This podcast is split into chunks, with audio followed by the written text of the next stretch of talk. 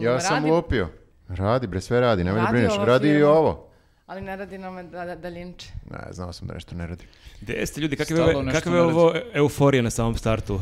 E, pa nije baš kao što in- inače bude.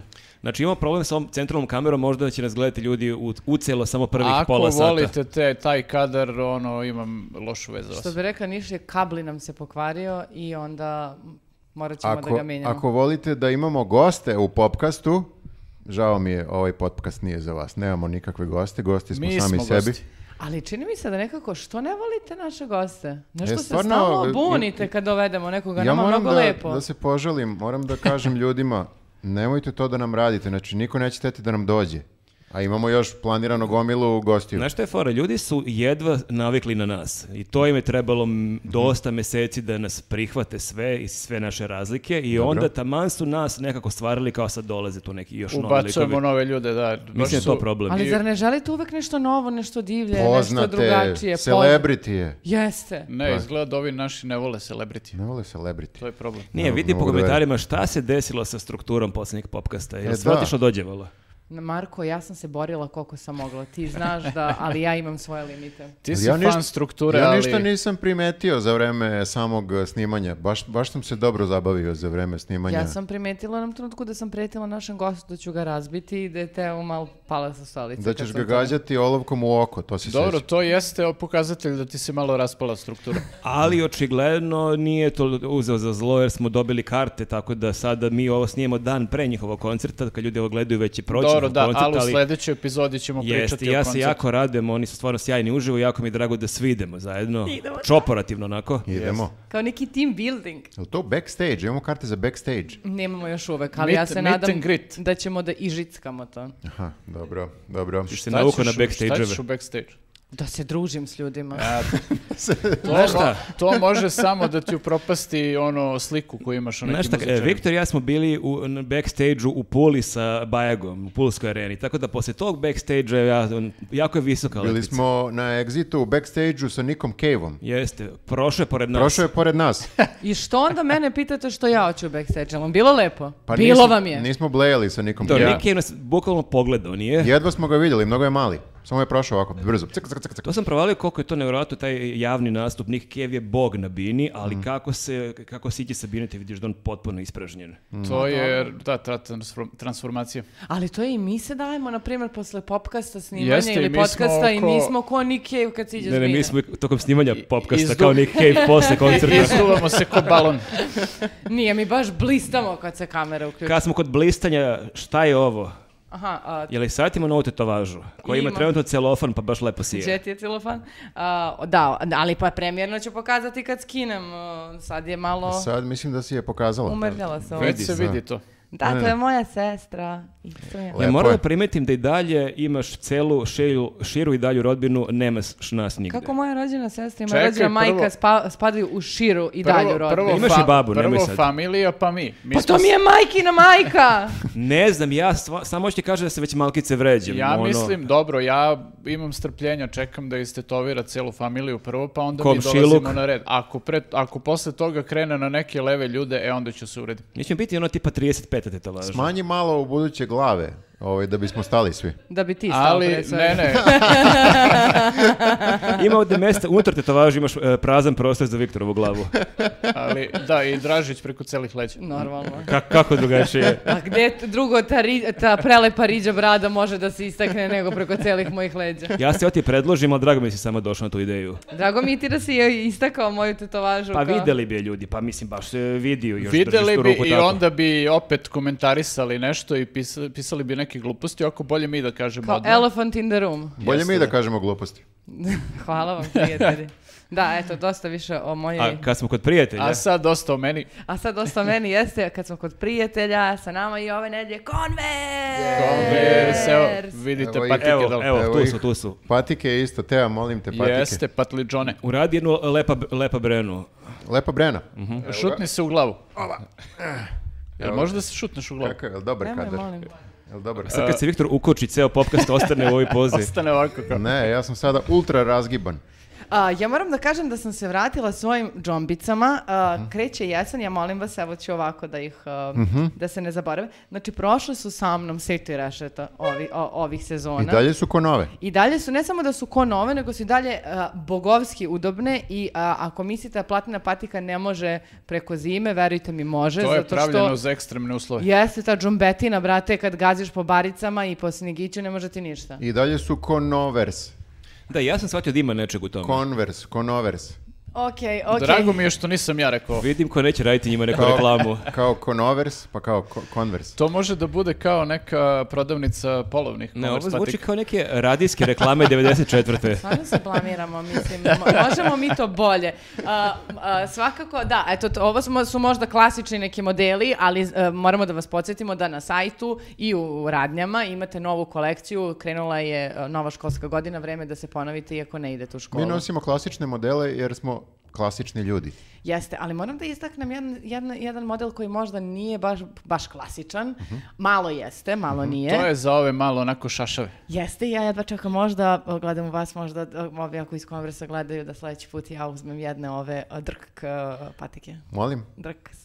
Rick Owens, o, zovu se Drk š, Čekaj, to kao šdv. skraćeno Dark. DRK ili je baš drk? DRK. Pa ja kažem Drk, izvini, piše Drk. Skraćeno je od dark. Znači Dark, jedno da. slovo su izbacili Samo i izbace skratili su. ono samoglasnike. Znači, di, e, Rick Owens je radio kao ove klasične starke, ali sam imao oko još deblji John, ovako nekoliko i neke iscepkane linije, imaju ogromnu jezičinu. Jel mo- mogu da pitam uh, ko, je, Jezrčan. Ri- ko je Rick Owens? Fashion designer. A, dobro, znači ja sam... To je ja- kolab- A, your to je-. To je kolaboracija. E, tako je li savjeti kad mi spominjemo To- glumci iz 80-ih? E, To ti je, znaš ono, vraćaš. Znaš ono kad dva brenda sarađuju pa stave ovako je, ime jednog brenda pa X pa ime drugog brenda. E, to ti- Znam, to ti je to. puta. To. Jeste, sad i ovo što gledate, na primjer, to je news uh, puta uh, Kon- Converse. a, da, da, kapiram, Kapiraš? kapiram, kapiram. jeste. Puta na kvadrat Rick Owens. Ok. Kad budem nosila. Koren iz... uh, da. E, a, tako da ostavit ćemo vam link uh, u opisu ovog videa da možete da vidite uh, nove stvari u shopu i posebno DRK uh, kolaboraciju. Da i vi budete šašavi malo. Vidio sam da imaju model koji se zove Turbo Drk. Mhm. Da li možemo da se unapred za Converse e, ono, založimo da nam da jedan Turbo Drk? Ja bih to nosio, da. između drka i turbo drka? E, pa, Sad, sad morat ću da odem da vidim Ako šta je jedno, šta je muškoj drugo. kolekciji, uzimam za sljedeću epizodu. eto, uh, to bi bilo to od uvoda. Po, uh, pretplatite se na naš Patreon i YouTube, subscribeujte. bez platite se. Bez platite Jeste, se. vidiš, e, probili smo onaj cilj da nas bude... Psihološka granica. Jeste 50.000 subscribera, Šta ali sad? Je da nas na Patreonu bude više od 1000. E, sad Trenutno je kreće- 960 i nešto. Sad te kreće patnja prava, znači sad jurimo Tako 100.000 je. i plaketicu Tako od YouTube-a. Viš šta tako ti je da- život? Znači uvek je neka ju, jurnjava Moraš, za- moraš uvek da imaš kapitalizam. neki, jeste, Jeste. moraš neki cilj uvek Nema da imaš. opuštanja, nema sad uživamo u ovome što imamo. Mora stalno bude neki rast. Ne, ako nemaš cilj pred sobom, čemu sve, znači... A i što toliko? Zamisli, mi imamo 100, je da, 12 epizoda iza nas. Imamo toliko popkasta iza nas. Evo sad imamo i prelistavanje. I da nemamo plaketu. Pa kao šta smo mi radili tolike Pa godine? Čekaj, ali ajde da malo slavimo. Ne možemo ovo sad kao košarkaši, kao došli, osvojili medalji, doma kukaju za Ne, ne, sledeći. nema, Ajde odmah, sad, odmah se fokusiramo na Mesecima smo olimpijadu. lobirali, na da, lobirali da bude preko 50.000 ljudi, aj sad da se radujemo nedelju dve dana, pa posle da kukamo što ih nije 100.000. Ja, meni je drago što koristiš tu analogiju zato što je za početak razumem e, i slavili smo i mi, slavili su i oni, ali oni su svesni da su sledeće godine olimpijske igre. I Tako nema je, mo- opuštanja. nema opuštanja, Ne, ne, baš su odmah bili da dosta opušteni. Ne znam, ste gledala s- ono, snimke slavlja sa onog nekog splava, deluju dosta E, opušteno. mi nećemo da budemo tako opušteni, mi odmah idemo u ali- trening za dalje Ali pobede. mi kad dobijemo tu plaketu da organizujemo neki doček na balkonu. Mi Može. ovdje u redakciji imamo balkon, može Imamo. da dođe ispred nekih 30 ljudi. Može, može, može. Kaže To bi bilo ja mislim dobro, da da. se ispravno kaže plakata. Da dobijemo plakatu. Si- Se on udari u glavu ovih dana. Ja sam jako zahvalan i ne mogu da verujem da 50.000 ljudi je nešto uradilo i sad kao nas uh, sluša. Ljudi, to je puna marakana, znate vi koliko je 50.000 ljudi? Ja treba da stalno to vizualizujem. Znam, ne, mislim ne znam, ali, ali mnogo ljudi. Jeste. Jeste. Ja, ja ne znam toliko ljudi. A posebno sam zahvalna onim ljudima koji su e, mi se javili, rekli ja više nemam ko- koga da subscribe-ujem, subscribe sam babu, sestru, tetku, ćaleta, kevu i sebe, kao nemamo više koga u Treba familiji. samo agresivno, kažeš pa nađi nove prijatelje luzeru. Ne. Ne, moraš odmah kontranapad, ne može kao da, da razvojimo te, hvala ti Kako, puno. kako je moguće Ili da da- za tako kratak vremenski period pređeš iz Od zahvalnosti, zahvalnosti, da, da. mira i kao treba da slavimo do toga ko Ma jebemo nije, ali kad čuješ- nema još Nema. Kad čuješ kakve izgovore ljudi koriste, stvarno, ono, mislim, ako ništa drugo mogu da otvaraju lažne naloge na YouTube. Da, da, mi smo zvesti u Pakistanu, ne znam da znate. Da. Ne, nama treba, treba nam realna količina ljudi, molim vas, nećemo da va- varam.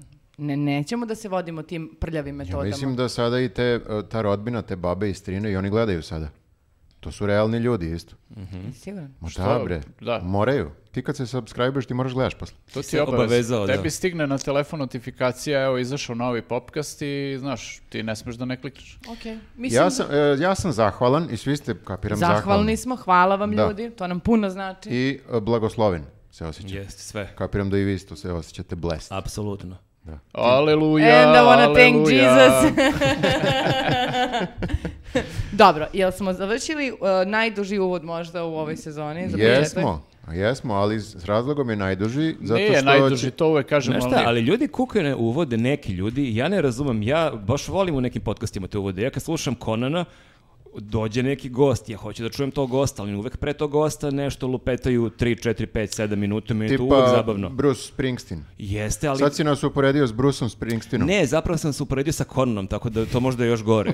Dobro, mi možda nismo toliko brzi kao Conan, ali šta fali u uvodu? Šta, ljudi odmah hoće neko sadržano, ajmo Ti odmah. si takvo oličenje skromnosti danas i poniznosti i ono neke, ja nemam reći. Hrišćanski. Prosto izbija Conan iz je visok i ričkast, ja sam visok i ričkast i to je kraj svih sličnosti. Ti si kao naopako Conan. Jeste. Da, može tako se kaže. Naopako, dobro. Nego, fi, e, film ne, serije za početak. Serija Serija. za početak. Da, Viktor, izvoli. Ja ću da ćutaću.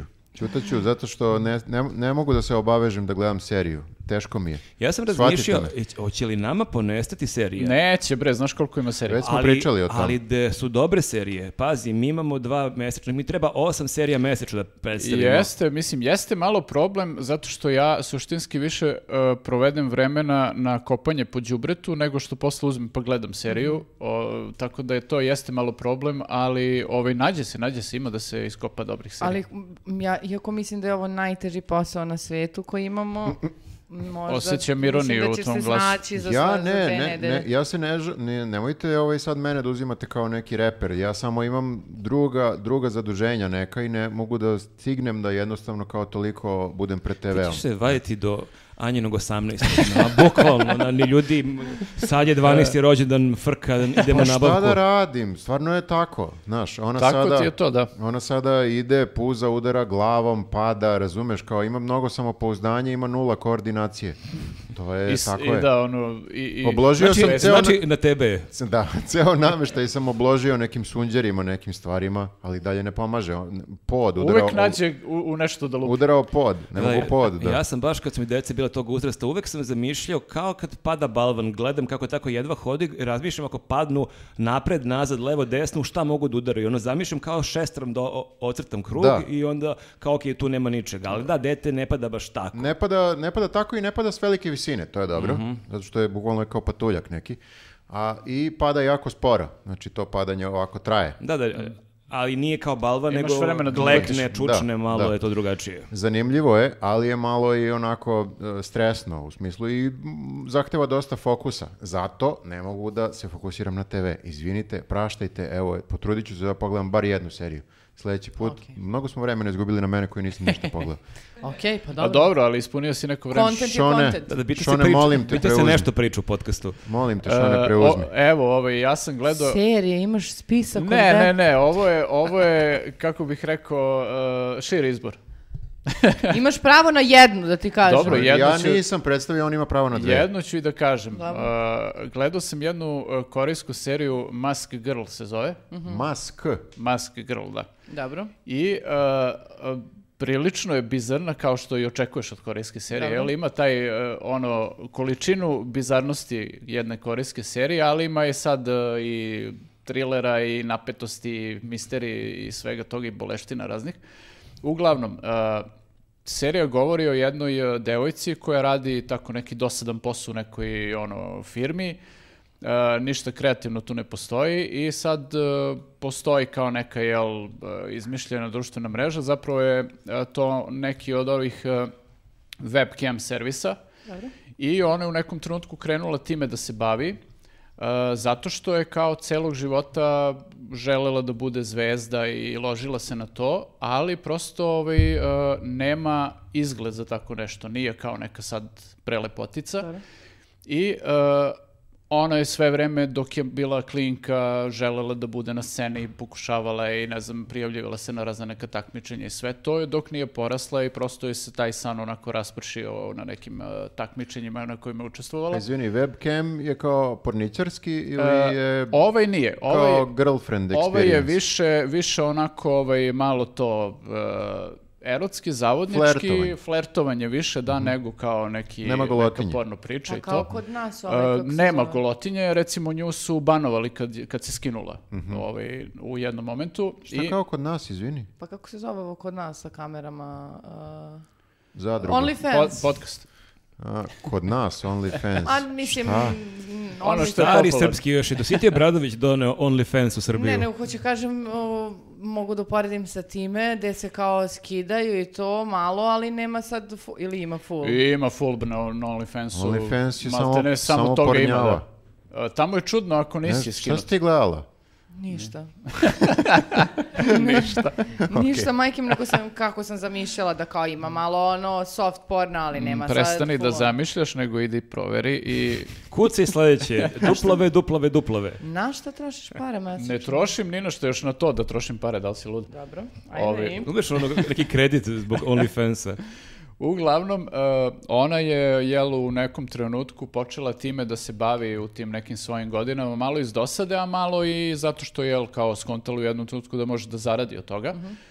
E, I sad e, ona ima tu već neku bazu svojih fanova, a nosi sve vreme masku. I to je deo njenog tog ono, personalitija i pojave i sad ljudima je to sad malo intrigantno, zapravo je popularna, između ostalog i zato što nosi masku, jer sad se pitaju ko je ta devojka, kako izgleda, pa imaš one fanove koji žele da ona skine masku, one koji ne žele, baš je ovaj... Znači kao grupa Kiss ili Sl- Slipknot. Pa recimo, da. Ovaj, Daft u- Punk. Pa uvijek imaš to kad je neko maskiran, a, neki umetnik, Devito. da imaš te ono... Devito, da. Ovaj, I sad e, sve to tako teče ono neka ovaj, njena rutina, dok u jednom trenutku ovaj, ona ne reši da, da ovaj, se nađe sa nekim e, likom koji je bio njen fan i e, ispostavi se da je taj lik e, onako Zna, u startu je bio onako ovaj, e, fini i sve to, međutim ispostavi se jel, da je hteo ovaj, e, samo da spava sa njom i tu se onako... Neočekivan obrt. Potpuno neočekivano, da. I tu se stvar zakomplikuje tako što ona njega uh, nehotice ubije. I odatle... Po sve si ispojlovao. Ne, ovo je samo, mislim, Prva prva epizoda. epizoda, da. Možda druga. Uh, uglavnom, uh, odatle kreće onako potpuno ludilo u seriji, mislim, neću da spojlujem, zato što ovaj, uh, dobra stvar je što se uh, iz više različitih perspektiva posmatra kao cela priča, pa Kao imaš... Spotify. Da, imaš perspektivu ovaj, njenu, pa imaš perspektivu uh, nekog njenog kolege koji je zapravo isto bio jedan od njenih fanova, pa je ovaj, uh, o, bio je zaljubljen A u ona nju. sve vreme e, vodi normalan život. Ona, Ona- ima regularan posao i dalje. Da, ona vodi normalan život, umeđu vremenu taj normalan život kao podrazumeva da ima nekog prelepog šefa na kojeg se ona loži, a taj kolega se loži na nju, ali niko ovaj, tu ne dolazi do svog nekog ono cilja i ostvarenja tih želja i svi su frustrirani i nesrećni, a imaš opet i taj moment kao, jel, kapitalizam i ovaj, e, ono, rad od jutra do sutra, sve onako prilično ono, uštogljeno i definisano i sad svako od njih ima neki svoj način da beži uh, iz tog ono, sveta. Ona tako što ovaj, je mask girl u nekom drugom životu, ovaj, njen kolega tako što ovaj, prati obsesivno te sajtove tog tipa, ali i one ovi tip OnlyFans i, i te malo ovi, viš, koji su više hardcore, totalno je opsednut tim stvarima. Uh, uglavnom, niko tu onako ovaj, uh, nije srećan i iz, uh, iz tih nekih onako na izgled banalnih i benignih stvari se izrode baš onako ogromni problemi. Ima serija nekih sedam ili osam epizoda i to onako prilično, kad pogledaš šta su oni spakovali u tih 7-8 epizoda, to je onako baš epska priča. I to je cela serija, 7-8 epizoda. Jeste, da. Pa to Ja, je gde dobro. može se pogleda? A, Na, na Netflixu je. A, tu znači imaš ono, a, prati se njena sudbina nakon svega i tih ubistava i svega što se dešavalo, pa se posle u jednom trenutku prati sudbina njene ćerke, ovaj, za koju ti u nekom trenutku saznaš da je dobila. A, prati se sudbina još i nekih drugih ljudi, ovaj, majke tog a, njenog kolege, ali za sve to postoji naravno razlog zašto To sve u pratiš te ljude. 7-8 epizoda. Neverovatno je šta su sve spakovali stvarno u tih 7-8 sati praktično. I ovaj, imaš utisak kao da je ta serija, da si je gledao, ne znam, ono, ima 20-30 epizoda, tako su je nekako A spakovali. jel da... sve vreme ima neki vibe thriller ili je to neka napeta drama? E, imaš bukvalno svega, ono, imaš to kao, imaš taj thriller moment, imaš uh, taj, uh, ono, moment neke napetosti, misterije i uh, često imaš te neke obrte potpuno neočekivane, tako da ovaj, često imaš neke momente uh, koje si vidu, ne znam, prvoj i drugoj epizodi objasne ti ih potpuno u petoj epizodi, na primjer, pa i tu imaš taj wow efekat. Tako da generalno je ono ovaj, prilično onako zabavna i zanimljiva serija i e, što je meni jako bitno, sve vreme ti drži pažnju, ovaj, baš to onako vozi i možeš bukvalno da izbinđuješ tih 7-8 epizoda u cugu. Ja sam onako se malo suzdržavao kao da ne ispucam sve odjednom zato što je stvarno dobra serija, ali sve vreme imaš ono kao šta li će se desiti u narednoj. Tako da, Odlagao si vrhunac. da, može tako da se kaže. To nije zdravo. Zdravo. Zdravo. Ovaj, tako da eto, to je preporuka za tu seriju, ono, baš je, ako volite korejske te serije i taj ceo njihov vibe ko, od koga oni očigledno ne mogu da pobegnu, povek imaš i te neke uvrnute momente, ovaj, ovo je stvarno... Meni deluje iz super. njihovih nekih filmova i serija da oni baš jako mnogo rade, što je neki stereotip koji sam ja imao za Japance, ali mi se čini da je Južnoj Koreji oni isto Jeste, su jeste. non stop na Da. poslu. Ovde imaš tu jednu scenu koja se ponavlja u celoj seriji gde kao ovaj, e, samo, ne znam, e, nekoliko sekvenci gde ljudi izlaze iz e, metroa, ono iz voza u metrou, penju se stepenicama, prolaze kroz neki hodnik, svi su u tim istim potpuno odelima, muškarci su s aktovkama, žene sa nekim torbama i kao to se sve vreme ponavlja kao da bi ti naglasili tu ubitačnu rutinu koja se ponavlja, svaki dan ti isti. Da, da, ali to bukvalno. mi se čini da čak nije sam kapitalizam, koliko je još kapitalizam u tom delu sveta, gde A, imaju drugačiju gde imaju etiku. radnu etiku Da, da, da. drugačiju, jeste. Mislim, baš je to onako ovaj, doterano verovatno do nekog ekstrema i,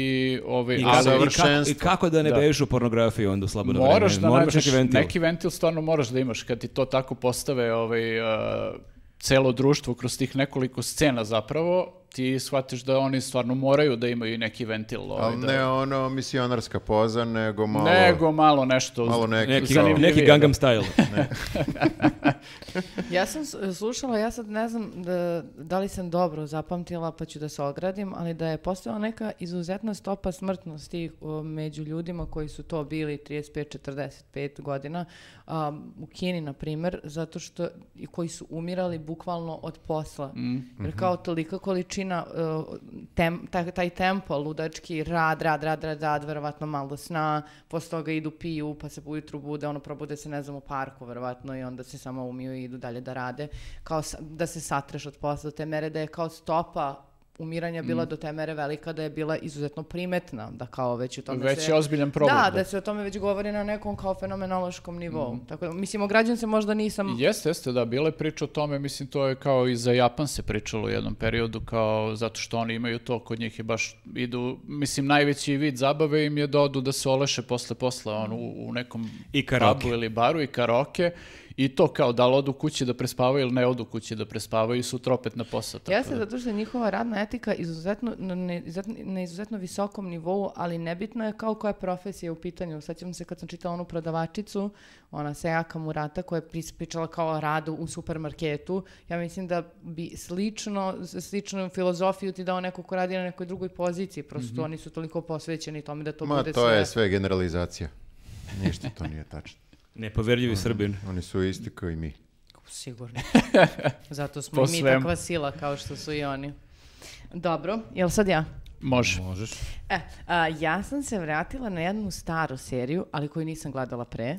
A, zato što sam sad... Kako se se nisi vratila? Kako Onda si se vratila? Pa vratila sam se u smislu U unazad mislima, malo. u mislima. U, unazad u smislu vremenski kao... Unazadila si se. Nisam se unazadila, dobra sam. Dosije X. Ne, a, presnije pogađaš. Znači, sećate se da sam a, Bila je gledala... sad godišnjica tri... Sećate se da sam pre dve nedelje gledala onu German Genius koja je e, kao e, imala Rikija Gervaisa u Aha, priči da, da, da, da, da. kao oni hoće da prave nemački ekstraz, ali ne mogu da naprave i onda izmisle nešto katastrofa. I ovo sam bila u fazonu, ok, ima na HBO ekstras, aj kao da krenem da gledam. Nisam pre A, kao okej. krenula od prve da gledam, Da, gledam. da, da. I uh, mislim, naravno da mi se sviđa uh, serija, znači Ricky Gervais je kao glavni glumac, uh, on igra zajedno sa još jednom uh, glumicom i njih dvoje, ona je kao glumica, ali bez zadatka, on je statista i svakog dana, svaka epizoda je snimanje od, na određ- određenom setu. Uh, što si da se u svakoj epizodi pojavljuje po neki užasno poznati uh, Mm, gluma. celebrity. Da, ali ili pevač, ne znam, evo, ovdje sam samo popisala uh, Samuel Jackson, uh, David Bowie, Kate Winslet, Orlando Bloom, uh, David, To je, uh, onda- uh, to je baš staro onda. da, da, da, da, onda George Johnny Depp. Michael, Jo- nisam videla Johnny Depp. a bio je i on Nemoj da mi spoiler. I gine. E, i meni se serija sviđa, međutim, on, uh, jedino što mi se kod uh, samog glavnog lika Rikija Gerveza nije svidjelo, to što je nekako sublimirao više likova u jednom. Znači, on je i glupi statista koji sve što želi jeste da se probije i da snimi makar jednu scenu gde je on statista sa zadatkom. Aha. A sa druge Da ima nešto da izgovori. Tako ili... je. Znači, to je njegov cilj u Ja svakoj nisam, epizodi. nisam to gledao, moram da priznam, znam ono kao neke klipove koji su legendarni, koji se vrte Ne, po, super po je, netu. stvarno, super je. Ne- I pametan je humor, ali pored toga što je on glupak, Mhm. on ima jedan užasno britak, uh, britak humor, sarkazam, Pa on ima dobro, komentare. da. A nije ti Ovo je- vjerodostojan lik onda. Nije, nije vjerodostojno. Ne, nego, ne, nego hoću samo da kažem da nekako kao da je spakovao dva lika u jednom. Jedan koji treba da bude e, sarkastični otklon i da ima ono ironijske komentare na, na glupe Mhm. likove i glupog lika koji je statista i želi, jer kao on od toga ipak napiše nešto i sad kreće da snima u drugoj sezoni, on snima kao svoj sitkom. Mhm.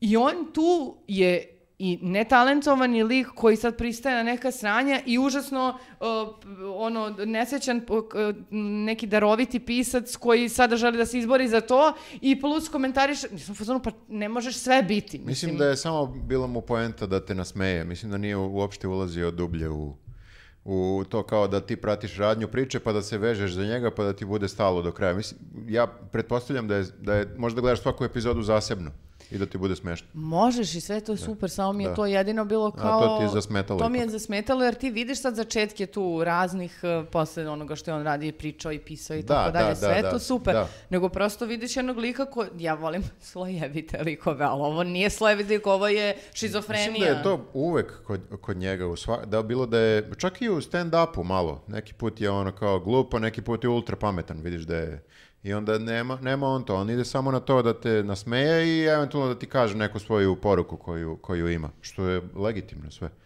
po meni. Ne znam. Ali ne znam sad kao kad, ako očekuješ da gledaš seriju sa početkom i krajem i da se lik nešto promenio, da je naučio usput nešto, mislim da nećeš Ali to mi se dobiti. čini da nije to njegov odlik u svakoj seriji u Afterlife, on ima E, vrlo, nisam jasan, vrlo jasan Ma lik. na, nego Nisam pričam na primjer... Ne, kapiram, uh, ovo mislim koliko Pričam, sam ja... na primjer, na nivou, izvini, pričam, uh, evo, na primjer, na nivou uh, Michaela u ofisu. Znači, ti imaš jasan lik koji je debil, koji ima uh, tip, ono, klasične stereotipne odlike, uh, ono, predrasude i sve Da. ostalo.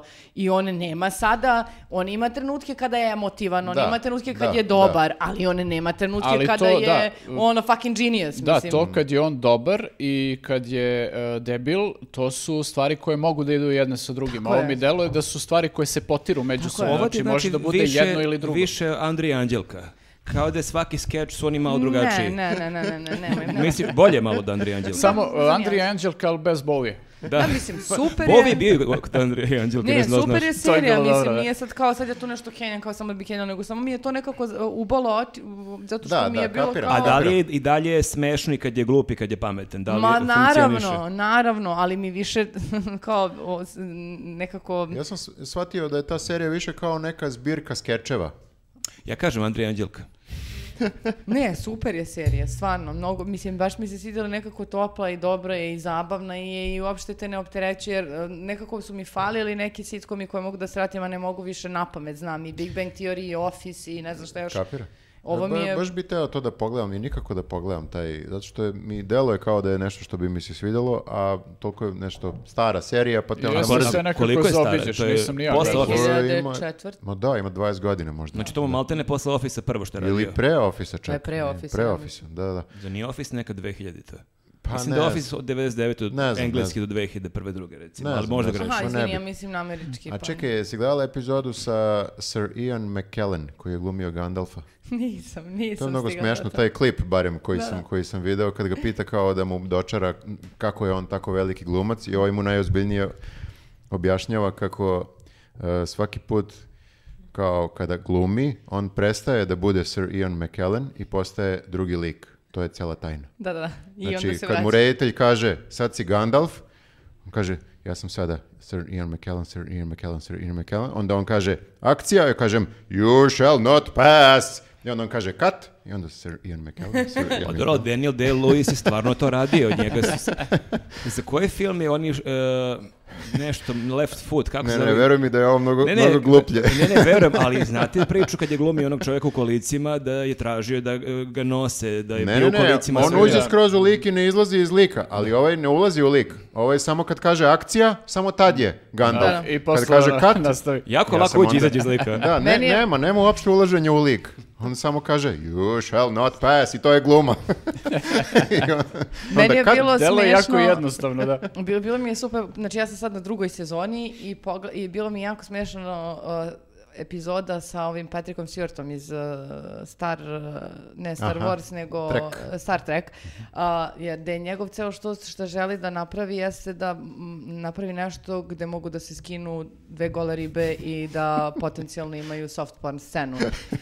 I oni... Ceo, ceo njegova karijera. Te- I on 30 samo- godina radim Star Trek zbog toga. i on njemu se vreme objašnjava, pitam, objašnjava tim dubokim glasom, a jedan to je intelektualac fora, da, i da. on samo, se, i on, ali kao, tu ima neke radnje, kao, Ma ne, pa samo... da, da, kao, ribe i kao, to mi je bilo super i Orlando Bloom koji sve vreme priča o Johnny Deppu, kako Johnny Deppa niko ne prepoznaje i kako je on ružan i kako se ribe uopšte ne pale na njega i malo, malo i donosi časopise kao, evo, i ovdje sam kao najbolji frajer.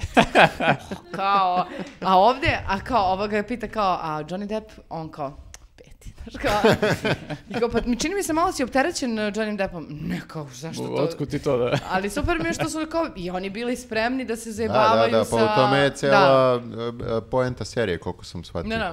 Mislim, da. za da neke... čuješ neočekivane stvari od tako velikih e, Da. zvezda. za Ali neke- mislim što je neko veća zvezda da mu je opuštenije da se zvezda na svoj račun. Pa, Čini mo- mi se barem. U inostranstvu. Moguće. Ne Pa i znam- kod ne znam nas kod bi nas, verovatno a? pristali. Ko? Pa Ajde, ko? Sergej Đuričko, ja verujem da bi pristali se zabaviti. Pričam baš o velikim zvezdama. Dobro, velika zvezda. Biković. Čola! Čo- a misliš van glumaca? Pa ne, da, sve, gledamo globalno. Showbiz. A jel, Ceca. jel Čola zna da glumi uopšte? Ma ne mora da zna da glumi, samo, samo Čolo reci ovo Mislim što da ti bi te piše Ceca ovdje. prebila kad bi videla šta si napisao za nju. Pa to ti kažem, ne, ne možeš da ubediš Cecu da kaže nešto. Hm? Protiv sebe. Ajde, ako gleda ovo Ceca, Neka se javi. neka se javi. Da vidimo. Ako je Ceca, raspoložena, Ceca Bojković. ako je raspoložena bude malo luda i Ma drugačija. da, za neki skeč. Napisat ćemo nešto. Ajde. Eto. Dobro, da ti već imaš par skečeva o Ceci. Pa lako je. ja mislim da bi kod nas pristali, evo, sad pada mi na pamet Sergej Đuričko, Biković. Da, oni bi pristali, ali... Imali bismo jednu sezonu. okej, pa, Pa dobro. dobro, malo li. Da, da. Pa dobro, mislim. Mi da će ćemo, mi ćemo da napišemo skečeve, Mhm. Oni nek se javi. Misliš da to tako funkcioniš? Da, bre. Misliš da je Ricky Gervais napisao skečeve i rekao Boviju, pa ti se javio ako budeš Pa jel si pričala pre dve nelje kako je ova zvala Ricky Gervaisa i ovaj rekao važi. To je bila serija, to je, nije bilo možda stvarno. Ricky Gervais i Bowie su ortaci. Bowie je bio, e, bili su ortaci dok je naravno bio živ. Bowie je bio veliki fan Office-a, tako da su oni baš blejali, tako da mislim da nije bilo teško da ubedi Bovija. Aha, pa dobro, jel imamo mi Znači nekog treba, ortaka ako je Ceca Bovi? recimo veliki fan našeg podcasta, onda ćemo mnogo lakše da ubedimo. A možemo čulu makar. Čola, Čola fan sigurno našeg gleda podcasta. podcast. Mislim, ja bih Popcast. volila da budem pri, prijatelj. Čola sve vreme gleda popkast i čeka da ga pomenemo Jeste, u kontekstu da pričamo o njegovoj i on muzici. kaže produži dalje. Ti Eto. živiš u oblacima mala, bukvalno. Ajmo, Maki. Dosta je njegovih pesama, zahvalno za neke odgovore. A, ja sam pogledao, to jest nisam celu pogledao, pogledao sam šest epizoda od osam, jedne serije za koju već mesecima znam i vidim da ima fenomenalne ocene i kritike, ali me nije privlačila. Serija je Dope Sick, a nije me privlačila jer mene u startu nekako ne privlače serije koje imaju veze sa farmacijom, medicinom. Ja kad vidim beli mantil na posteru, u fazonu sam dobro, ne moram sad ovo da gledam. Još ti nisi fan Grey's Anatomy? Nisam, ni, ni- ima nekoliko serija tog tipa, čini mi se. I, ja- i R. E, Chicago jest, Hope. Chicago jest, Hope, da. Ništa toga nisam gledao. Šta možda si ti propustio? Pa nije me zanimalo. Mislim da postoje dva razloga. Prvi je što ne znam ništa o medicini i farmaciji, drugi je što se dosta plašim lekara i pregleda i bolnica, tako da to baš nije neki ambijent gde želim kao, wow, baš me zanimaju vaši odnosi. Ali posle Chicago Hope-a ili IR-a ti znaš mnogo toga o medicini. Ti pogledaš to i već možda Ja, da. operišeš. I oni su ljudi... Već i treća godina medicine. Oni su pogledaš. ljudi sa osjećanjima, oni se vole, oni se... Ne, ne, ne kažem ja da mrzim lekare, na, daleko od toga, samo to nije neka tematika koja mene zanima i ne želim da gledam seriju u takvom ambijentu. I onda Ne, kad sam- neverovatno koliko stvari se desi tim ljudima, tim istim ljudima u jednoj bolnici se desi hiljadu najnemogućijih To stvari. je sve istinita priča, ali tako? To je sve neverovatne slučajnosti.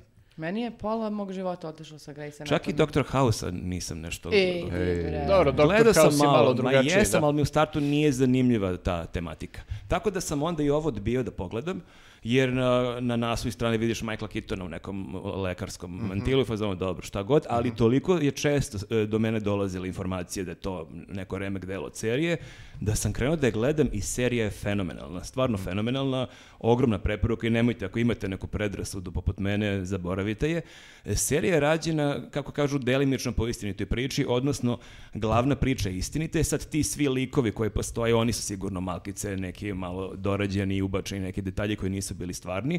Ukratko, serija govori o pravoj epidemiji u Americi e, navlake ljudi na e, pilule, e, na painkiller, odnosno pilule protiv bolova i to je bila to je prava znači kompanija koja postoji, Purdue Pharma, koji su imali lek koji se zvao Oxycodon i ima, koliko sam čuo, to mi je rekao Kesić, da ima i dokumentarac o tom Ima, leku.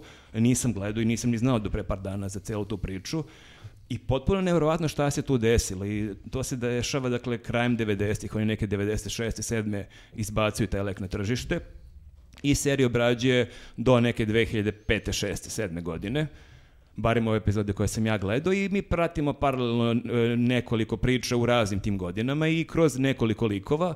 A, Michael Keaton je glavni lik i on je predivan, on je jedan divan, saosjećajan lekar koji radi u nekom malom mestu, on je sa svojom pokojnom ženom došao, on je imao neku karijeru koja je jako obećavala, njegova žena je želela u mladosti da oni dođu u neko malo mesto, da tu pomažu lokalnoj zajednici, ona je preminula od raka, ali on tu ostaje, tu je 40 godina i on je onako jedan baš lekar kakvog želiš da poznaješ, koji je i lekar, ali on je kao i istovremeno i stariji brat, kao otac, on njih savetuje te e, meštane i on njima rešava i medicinske, ali neke životne probleme i dileme i on je njima neki glas razuma.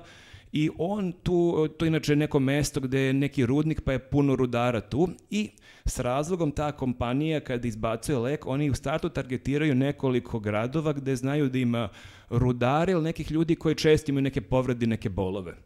I onda oni kreću da dolaze do njega i oni njega uveravaju kako je taj lek najbolji na tržištu, kako on potpunosti otklanja bolove, nešto najbolje što se ikad pojavilo i kako je a, rizik od e, zavisnosti manji od 1%.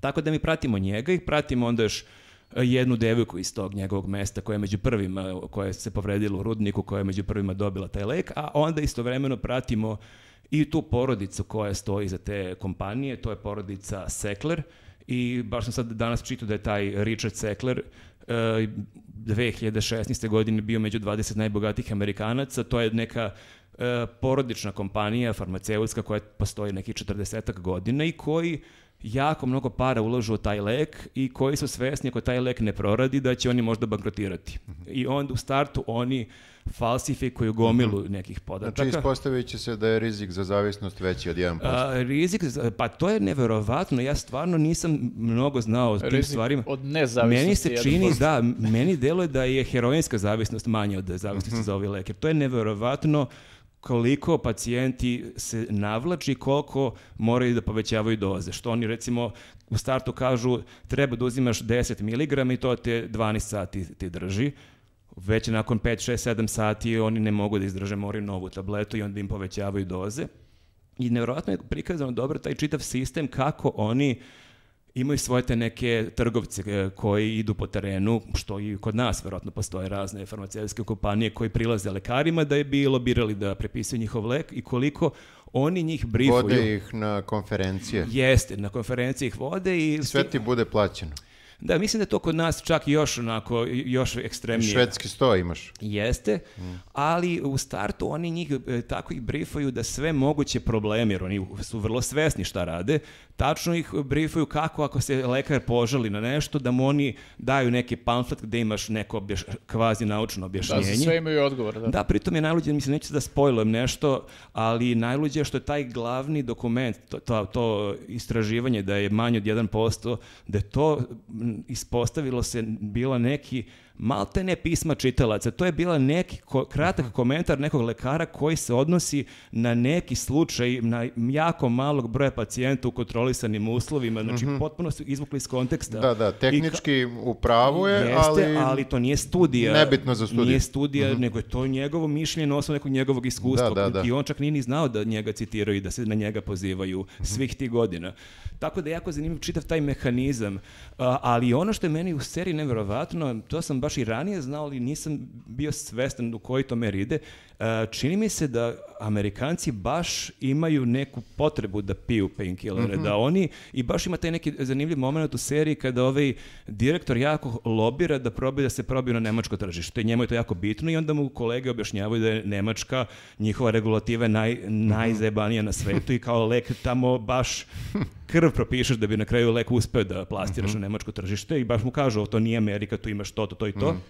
I onda mu kažu u jednom momentu, ali Nemci su drugačiji od Amerikanaca. Nemci umeju da žive sa bolom. Njima je bol kao deo života i oni trpe. Da, da, Da, da. čak i da plasiraš uh, lek, ne, nije, Nemaš ta, kulturu nije kultura, nije kultura. Da, takva. I baš sam pomislio da mi se čini da kod nas imaš tu kulturu da mnogi generacije su pile bensedine, bromazepame i takve neke lekove za smirenje, ali mislim da ove painkilleri i mi Uh, možda Painkilleri grešimo. nisu ali- toliko kod nas. Pritom je ovdje nevjerovatno meni što je ovaj lek što, ajde, postoje stvarno neki pacijenti koji imaju strašne bolove gde je i ok dati mu taj lek čak ako ima neke rizike, ako su to zaista bolovi s kojima ne može da se živi. Ovdje se dešava da ljudi ono uganu nogu, da im oni prepišu taj lek, da ono naprsne nekome rebro, bilo koja saobraćajka, neka povreda, evo ti lekovi za smirenje i za ublažavanje bolova.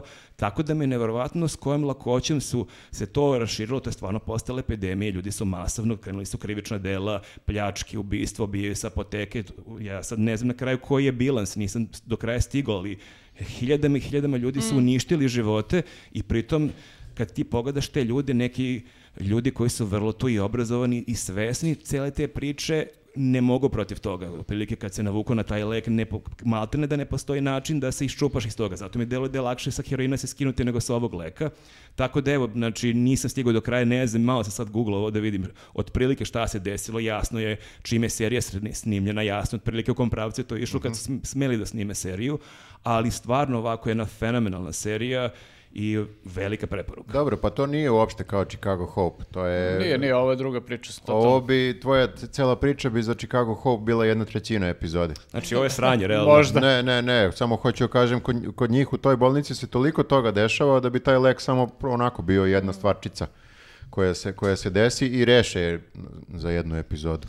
Meni je isto na listi jedna serija koja se bavi ono nekim lekovima u Americi. Gledala sam još one koje su uh, seriju koja se bavila kao ADHD-em, kao uh, s nekim poremećajem koji su tako lako prepisivali i onome kojima je trebalo i onome kojima nije trebalo, a u stvari najveći problem u celoj priči su bili lekovi koji su davali deci još od malih nogu i navlačili su ih, znači sa ne znam, 5, 6, 7 godina, ti njih klju- kljukaš lekovima da oni sa 20 godina su apsolutno disfunkcionalna bića na hemijskom nivou, ako im to Pa ukineš. čekaj, Beše, jel Jordan Peterson je dolazi u Beograd da se skida sa nekog leka, jel to je bio isto neki painkiller? A, moguće, da, da, da, moguće, sad kad kažeš da. Ja mislim Bio je da- u Rusiji, Da, pa se je možda tamo navukao, a? Ili... Ja mislim da je došao da je kod nas bila neka klinika gde je uspeo da se valjda skine ili je pokušavao. Pa imaš i te, imaš i onaj Advil, ili tako ne Advil, kako se zove onaj lek koji su pili da, bukvalno kao Aderol. Aderol, Aderol, da. da. Da gde- bolje učiš. da bolje učiš, malo se fokusiraš, što je isto bilo za To- ADHD i tako to. Da, često imaš te slučajeve tamo da je izlobirano nešto tako što Mm. uopšte nije dobro i da se ispostavi posle nekoliko decenija da su ljudi Ne, ne. trovani i kao... Baš na više nivoa. Pa sećaš se u Euforiji postoji ona scena kada je ćerka, ona svini, a, kako se već preziva. Mm, Ne njen čale je bio super neki čale i onda se slomio u nekoj saobraćajnoj nesreći i dok je bio u bolnici su ga navukli, ja mislim, baš na oksi. I da onda kasnije je on... Pod... Ali jako je zanimljivo, baš pošto ima jedan od likova i ovaj DEA i tužilaštvo i sad zanimljivo iz ugla policije koliko, s kojim lakoćem oni hapse dilere kreka, kokaina, koliko- kako je lako razbiti neku bandu, još ako sto neka ono, banda Meksikanaca, Crnaca, a i ko- koji god već manjina, a kad imaš situaciju da imaš neku uglednu porodicu, pritom ova porodica Sekler, oni su važili za velike filantrope, oni su ulagali sila novac u škole, u bolnice, kupovali umetnička dela, donirali muzejima i onda imaš jednu ekstremno uglednu porodicu, koliko je teško ući u fajt sa njima, a realno njihovog leka u na momentu je haos, epidemija u Americi, ali mnogo je lakše prilike napasti neko ko prodaje. Da, oni ne, Krek. izgle- oni ne izgledaju kao dileri. Jako su ugledni ljudi, da, da, da. Da. Super, gledat ćemo to. Filmovi. Jesi gledao nešto, Viktor? Gledao sam, da, i mnogo je lakše nego ova tvoja serija. Znači, Da, da, je. Da, da, da. Uh, opet je satirični film u pitanju. Zove se Girlfriend's Day. I uh, nije novi film, ima nekoliko godina. Igra Bob Odenkirk iz, uh, iz ovog uh, Better Call Saul. I Breaking Bad. Da, break, i I Breaking Bad. Nobody. I Nobody, da, da, da. Mene je podsjetilo malo po, uh, nekako po atmosferi na Nobody. Mislim, samo što Nobody je baš onako kao akcija, ne- nema veze s komedijom. Revenge movie, ali baš, Revenge baš movie, dobar. da. Ovo je, uh, ovo je komedija koja je pravljena kao neka vrsta satire ili parodije na neke noir filmove ili na neke, ne znam, ne znam nija kako, na celu tu atmosferu koja je onako teška, ali je iz budalastog razloga teška. I neka teorija zavere je uh, središte svega, ali je i to isto potpuno budalasto. Znači, Bob Oden, Odenkirk igra lika koji, uh, koje- kome je zanimanje da piše greeting cards. To mu je celokupno za- zanimanje i sad je pred penzijom i dobio je otkaz, zato što je upao u depresiju, žena ga je ostavila i ne može više da piše greeting cards, to se odrazilo na njegov posao, ne može više da smisli. Depresivne su kar... A ove, bio je često- jedan od boljih. Bio je jedan od boljih i sada uh, fora je u tome što u celom tom svetu gde on živi, pisanje greeting cardsa i pisanje bilo kakvo pisanje je jako cenjena profesija. A čekaj, aj sad konkretno pokušam e, greeting cards u smislu ko njega angažuje, za, za koga on piše, za kompanije Ogr- neke. ogromna kompanija koja je Aha. jako onako dobrostojeća jako bitna kompanija. Svi ljudi znaju i svi ljudi kupuju u tom njegovom svetu uh, greeting cards. I sve je to bitno. Ko je napisao greeting card, koliko je dobra. Svi znaju Ajde sve. da mi u Srbiji zauzemo to tržište. Pa mislim da, da, mislim da ne ide, tako si je napisalo. News, čestitke. Jel se sećaš pre koliko sam ti pričala o tome? Da Aha. treba da radimo? Jeste, da, da, ne, te neke kao smešne, to bismo Ja bih da možda i držimo mogli. monopol na tome. Sviđa mi se ideja da držimo monopol. Na, Da na- zauzmemo tržište, da. Ne, bili bismo okej u tome. Kapiram da ne bismo se... Kao ob- najgore reklama. Bili bismo okej. Korektno bi bilo. Kupite naše Da. čestitke, okej su. Evo, na primjer, to, bi, to je dobra reklama, ja mislim. Uglavnom da se vratim na, na film. E, e, on upada u središte teorije, e, ono, središte zavere, a zavera je u tome što je vlada raspisala konkurs za najbolju čestitku e, za novi praznik koji su uveli, a praznik se zove Girlfriend's Day.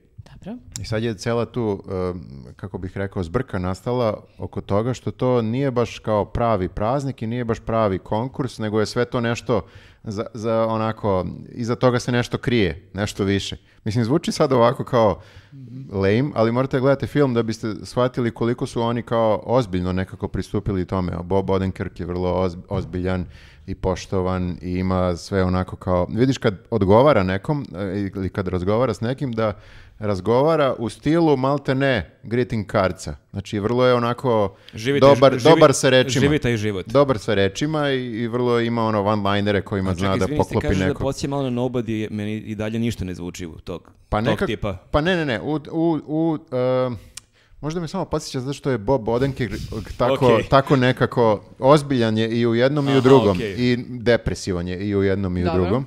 I zbog toga me možda Ok, podsjetilo. ali nije da. prebio njih devetora. Ne, ne, ne, nije uopšte akcija u pitanju. Znači ima akcije, zato što naravno zavera je neka, pa ima i ubistvo, ima i sve se tu nešto ovaj, e, toliko ovaj ode u, u neke nebulozne visine povodom jedne takve glupe ove stvari kao što je pisanje e, čestitki. I povodom toga što ceo taj svet je totalno pomeren na to da se ljudi koji pišu čestitke su toliko cenjeni i poznati i uvažavani. Da kad kao padneš sa, sa vrha pisanja čestitki na dno, ti si kao Završio. završio si i moraš da se polako nekako ono, sakupiš svoj život i da kreneš iz početka. Sakupiš svoje čestitke. Da, da, da, Znači, da. godinama, Pa dobro, to godinama se penješ i jedna loša zapeta i ćao. Jeste. Film, e, pogledao sam film, meni je, super mi je film, baš je onako mi legao i, i preporučujem ga, ali nema neke ocene, moram da vam kažem. Nije dobro prošao. To mi se često dešava u posljednje vreme, da pogledam nešto što mi kao super i vidim ocjene kao okej. Pa ja ne znam, pitam se onda kao možda pravu? nešto nije u redu sa mnom. Da. Nećemo sad ići u detalje za šta sve nije u redu sa mnom, ali e, pogledajte film, pa mi recite baš šta, Jel šta ga ima mislite. na nekom da, Net- da, na Netflixu? Netflixu je, da. Ovaj, tako da, eto, to je, to je Imam još neš, neki filmove koje sam gledao, su anti preporuke, ovaj, tako da ne bih sada da, da trošimo vreme. Na zvuči, okej, meni je Bob Odenkirk toliko simpatičan gotivan, i taj da. njegov glas i njegova pojava i neverovatno je koliko se on, mislim, jeste on bio u SNL, on je dugo u, U show komediji, biznisu, u komediji, da. Ali kao da je eksplodirao od svoje 55. godine, recimo. Pa, Pa, on je, dobro, namestilo se tako. On je da. kao mlad bio jako poznat u, u tom nekom sketch showu koji nije SNL, uh, sad sam zaboravio kako se zove, koji je radio, ako se ne varam, zajedno sa onim likom uh, koji ima jako čudno ime i prezime, Bobcat, uh, Bobcat Thorntoe. Jako čudno ime. To si izmislio? Nisam izmislio, on igra lika u policijskoj akademiji koji vrišti, Zeda, ako se okej. sećate, da. Da, da. Ali je vrlo poznat uh, komičar i, i reditelj. I sad naravno ne liči uopšte na Zeda, pa ga ne biste prepoznali. Ali Da, on je, on je čak početkom 90-ih u SNL-u radio sa Conanom O'Brienom. Oni su bili tu Da, da, da, kolege da, i drugari, jeste, jeste. ali čini mi se da on tek možda široj javnosti Pa Da, da, mislim jest, od Breaking jest, Bad, šir- ajde možda i pre toga imaš neke uloge, da li u Arrested Development ima i bio, bio još jeste, jeste. serijama. Ovako kao da ima glavne uloge, to je tek sad počelo. Tako da, uh, i onako... Nikad nije kasno. Da, Pa on je nikad nije zapravo, kasno. da, mislim, ovako generalno kad pogledaš tu neku mainstream popularnost, on je eksplodirao sa Better Call Saul. Mm. Ono, to je kao, mislim, bio je super u, u Breaking Bad i odatle je dobio taj spin-off zapravo i kao nakon toga svi znaju za njega, ono, Ali nisam očekivao da će on postati sa 60 godina Pa, akcioni junak, recimo. da, da, da. Jer zato je meni Nobody bio neverovatno što je jedan put vidiš njega koji je nešto nabildovan. Kao koji čemu se radi Ima ovdje? neke scene, ozbiljne scene tuče, Da. ona scena u autobusu koja je gledao, a ne Pa znam, ti, mislim da je, gledao. jesam, jesam, gledao sam. Da, Mislim da je zbog, zbog toga i film i uspeo, zato što ne očekuješ od njega kao da igra takvog akcionog... Imaš matorog komičara koji bude Stallone i koji pokida tu ulogu. Ne, ne znam, ja koji nisam toliki fan revenge filmova, ovi mi je toliko legao, ono, fenomenalan je. Odlično. Ni- Nije tvoja šoljica čaja ili savete? Pa no, okej, pa ne mora sve biti, ne. Pa ne, pogledaj, ja, da, mislim ja- da će ti se svidjeti. ja volim da gledam dobru akciju, ali to recimo nisam gledao još uvek, tako da... Ma to gledaj to, bre. To je Gledaj, baš, baš gledaj. Baš dobro. Spisak. Jesi zapisao? Ajde, ti Šta? hoćeš film? E, ja film. Da. E, dobro, e, jeste vi pričali o Barbie prošli put? Je. Jeste? Pretprošli put. Pretpostavljam. Hana Selimović pričala. Ne, ne, ne, nego mislim ono kad smo rekli da kad se vratimo sa odmora da ćemo pričamo o Pa Barbie. možda smo prokomentarisali, ali ako Ali ako želiš da možemo kažeš nešto pričamo. očigledno, želiš izvoli. Hoću da kažem, nisam gledao Oppenheimera, nažalost nisam stigao ovaj, da pogledam i to, ali gledao sam Barbie top film. Topčina. Znači, eto, to sam teo da kažem. Stvarno je dobar film, mislim, čudne su mi ove, ok, čudne, svako doživi na neki svoj način, verovatno. Pa što ali- nisi to smeo da kažeš kad je tu bila Hana? Meni je Ne, Nenade, nisam gledao tad. nije meni Nenade To što nije si ti opravdanje. gledao Barbie, što ti je top film. Meni je što si ti gledao Barbie kog dana, Nenade? E, e pa nije, ne znam, je li to One taj dan večeri kad je Soulfly imao koncert i meni ortak piše, bio sam na Soulfly, nisam video Nenad, rekao, Tebra, Nenad je na Barbie. Nećeš verovati. Poklopilo se tako da. Pošto je Barbie bio tad i nikad više. Pazi, uh, Barbie, ti, čoveče? Barbie je pokidala za razliku od Soulfly-a koji neki da ono što je 10 Kavalera bio u metalu 90-ih, to je Barbie. E, u- Kavalera šta je bio u metalu, to je davna prošlost. A, kako je strog, evo te ne mogu da verujem. Ali pravičan. Posle Barbija ništa više E, nije ja isto. sam samo realan. Jo, nemoj molim te ti objektivno da Dobri, nije. šta je, šta je toliko super u filmu? Barbie ja nisam je, gledao. e, ceo film je, koliko sam shvatio, reklama da kupiš lutku. Pa znaš šta Da evo, postaneš pa, moja Sara, ne baš, ne moja baš. Sara je lobirala cijelo leto da gleda Barbie i otišla je sa drugaricom, e, Jasmina ih je čekala tu, Mhm. por nije ona gledala film, ali bila je prvi put sama u bioskopu sa drugaricom i prvi put A, je sama dobro. čitala titl, ima devet godina i ona je odlepila, ali e, jako se dopao film, ali nije mi tražila da ju kupim Barbie, tako da na nju ne radi očigledno. E, da. pa dobro, mislim, Si ti ne- kupio ne odra- sebi Barbie? nisam, ne odradi svakog na taj način, ovo što priča Viktor. Ovaj, e, super je film zato što kao otišao sam vjerojatno bez ikakvih očekivanja na, na projekciju i onda e, kad vidiš da recimo neke, kad vidiš neke momente tipa da koliko se taj Mattel zezao na svoj račun u filmu, koliko su okej sa tim stvarima, to mi je recimo bilo super.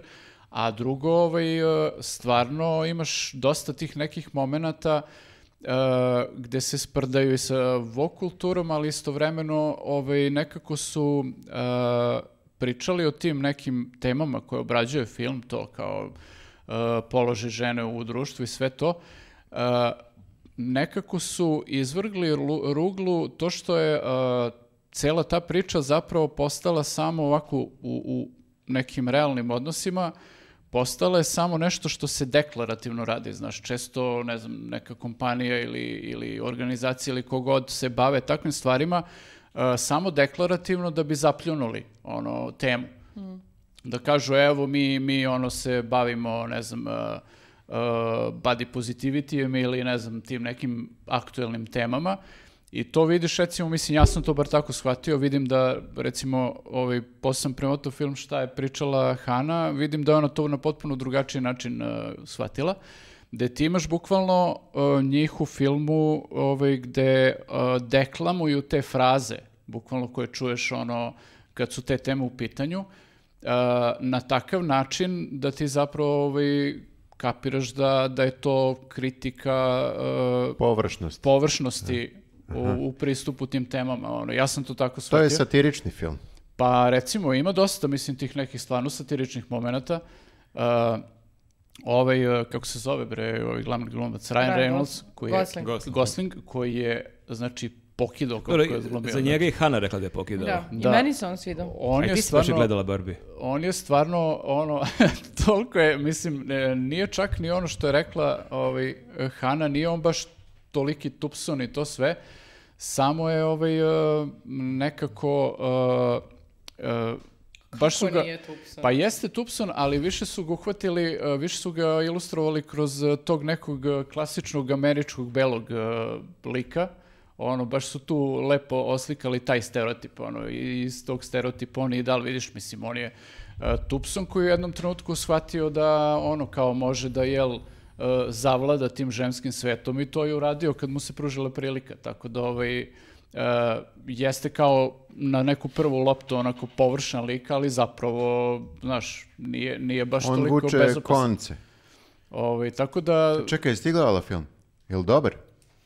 Pa nisam ja toliko gan. Ajmo neki sukob Da, ja mišljenja. nisam- i- Ajde, recimo sad. Uh, ja nisam toliko ganuta filmom koliko uh, je ceo hype bio. Prvo mi je išlo na živce što nekako se predstavlja ceo film kao neki uh, ono glavni manifest uh, feminizma 2000 i neke godine, 20 i neke godine. da, ni ja ga nisam shvatio baš A- toliko ozbiljno. Uh, I to mi je nekako pogrešno, zato što Pa mislim- komedija je. Pa, ali... um, I nije mi se svidjelo što su glavne linije filma to što kao ideja, taj poruka je tako nekako izdeklamovana kroz ovu Ameriku, fere- kako se Amerika, kako se zove?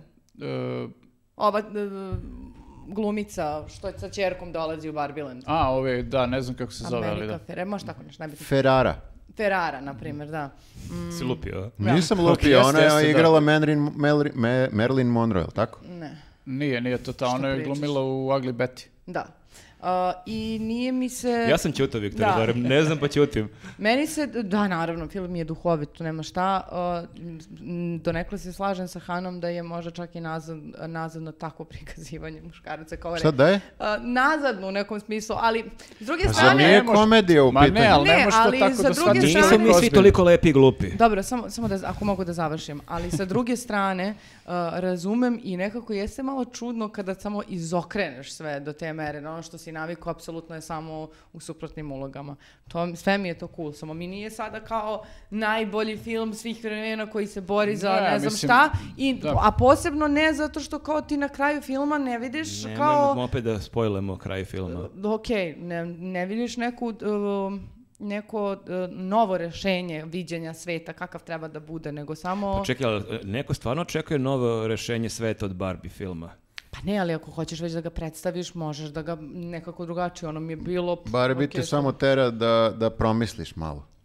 Da, ja nisam baš toliko ozbiljno shvatio film, baš mi je onako bio ultra zabavan, iako traje dosta, ali baš mi je bio prezabavan film i kao, ok, ima te neke poruke koje se provlače, nekoliko slojeva tu ukačiš ovaj, koji su zanimljivi i to je to, kao nisam imao sad neka prevelika očekivanja u tom smislu pa da me razočaralo, tako da baš sam se ono super zabavio. Meni je zanimljivo, pokušam da shvatim e, kako se taj film dopa mojoj čerke od 9 godina i tebi od 40 i nešto. Mislim, šta je to, kako su uspeli da ubodu, i svakim čast ako su uspeli da ubodu to da bude zanimljiv tolikim generacijama. Pa dobro, znaš šta, mislim, imaš taj moment gde kao taj Barbie svet e, je oživeo pred tvojim očima. Ja mislim da je to ono deo koji je deci i klincima zanimljiv, verovatno, zato što kao imaš nešto što je praktično deo tvog života i sad vidiš to sve na filmu, mislim da im je to verovatno ono wow. Ovaj, Da, moguće. Tako da ne verujem da su se sad previše udubljivali u ove neke poruke i to, a sa druge strane imaš i tu dimenziju koja može da bude nama starima interesantna.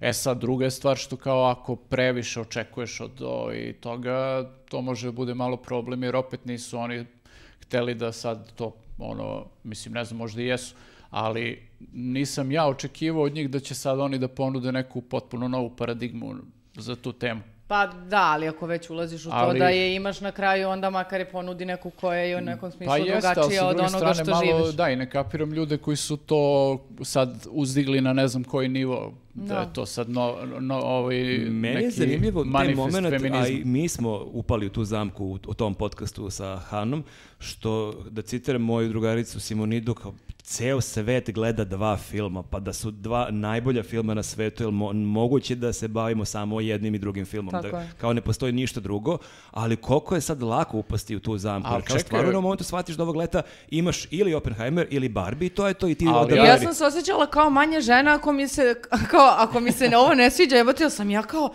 jer ja nisam feminiskinja. Znaš kao, jel ja ne kapiram.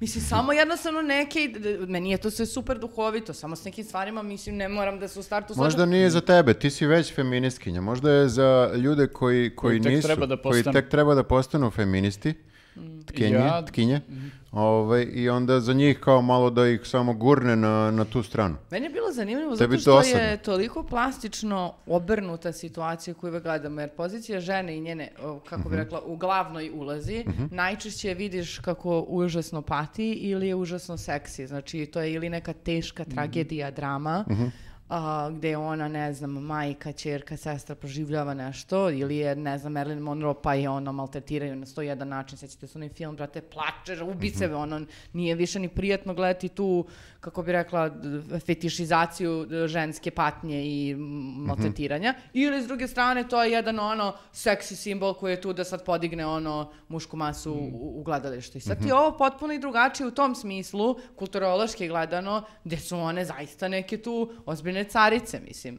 I, onda, i na to dodeš muškarce koji ne da su prikazane kao glupa, kao debilčine, mislim. Ali Ali baš lepi, seksi, baš seksi. seksi. Preplanuli. Jeste. Tako da u tom, da, me, mi, sad da, da li je to tako baš, ok, možda samo ne, ne smo nenaviknuti svi da vidimo tako nešto, pa sam u fazonu, i ovo može jebote, mogli bismo da, ovo ali- češće, ali ne znam koliko je to Meni se nazadno, baš, baš mi se gleda Barbie, baš, Ne, ho- po- baš po- hoću da vidim. Pogledaj, baš me zanima. Gledao sam- da- Biće na HBO, koliko sam razumio, E, uskoro, super, tako da ne dobro. moraš da cimaš. Ovaj, ja ovo što ti kažeš kao, ne mislim da je to uopšte zamka. Ti nemaš često situaciju da oko filmova bude takav hype. I meni je to super kad bude povremeno hype, Ma da ne, se okej, samo hype, o tome ali priča i je kao da ne postoji treći film, kao Pa da imaš šta dva će filma. pa dobro, šta? Će ti realno treći film u tom momentu kad imaš Oppenheimera i Barbie, mislim, Nije znaš, fair apsolutno prema je- svim filmovima koji su slučajno snimljeni baš tad.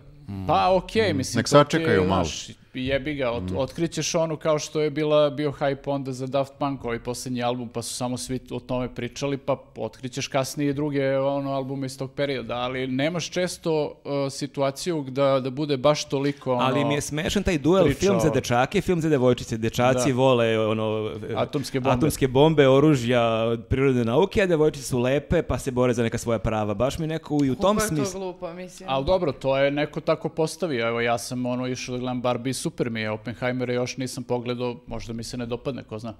Tako da ovaj, mislim da je i to samo onako neka stereotipna ono, Ma ne, ne kažem ovaj, ja da je to u praksi da ovo ne gledaju muškarci ili da ovo ne gledaju žene, nego jeste stvarno tako prikazano bilo kao da ne postoji na cijelom svetu u 2023. godine treći film.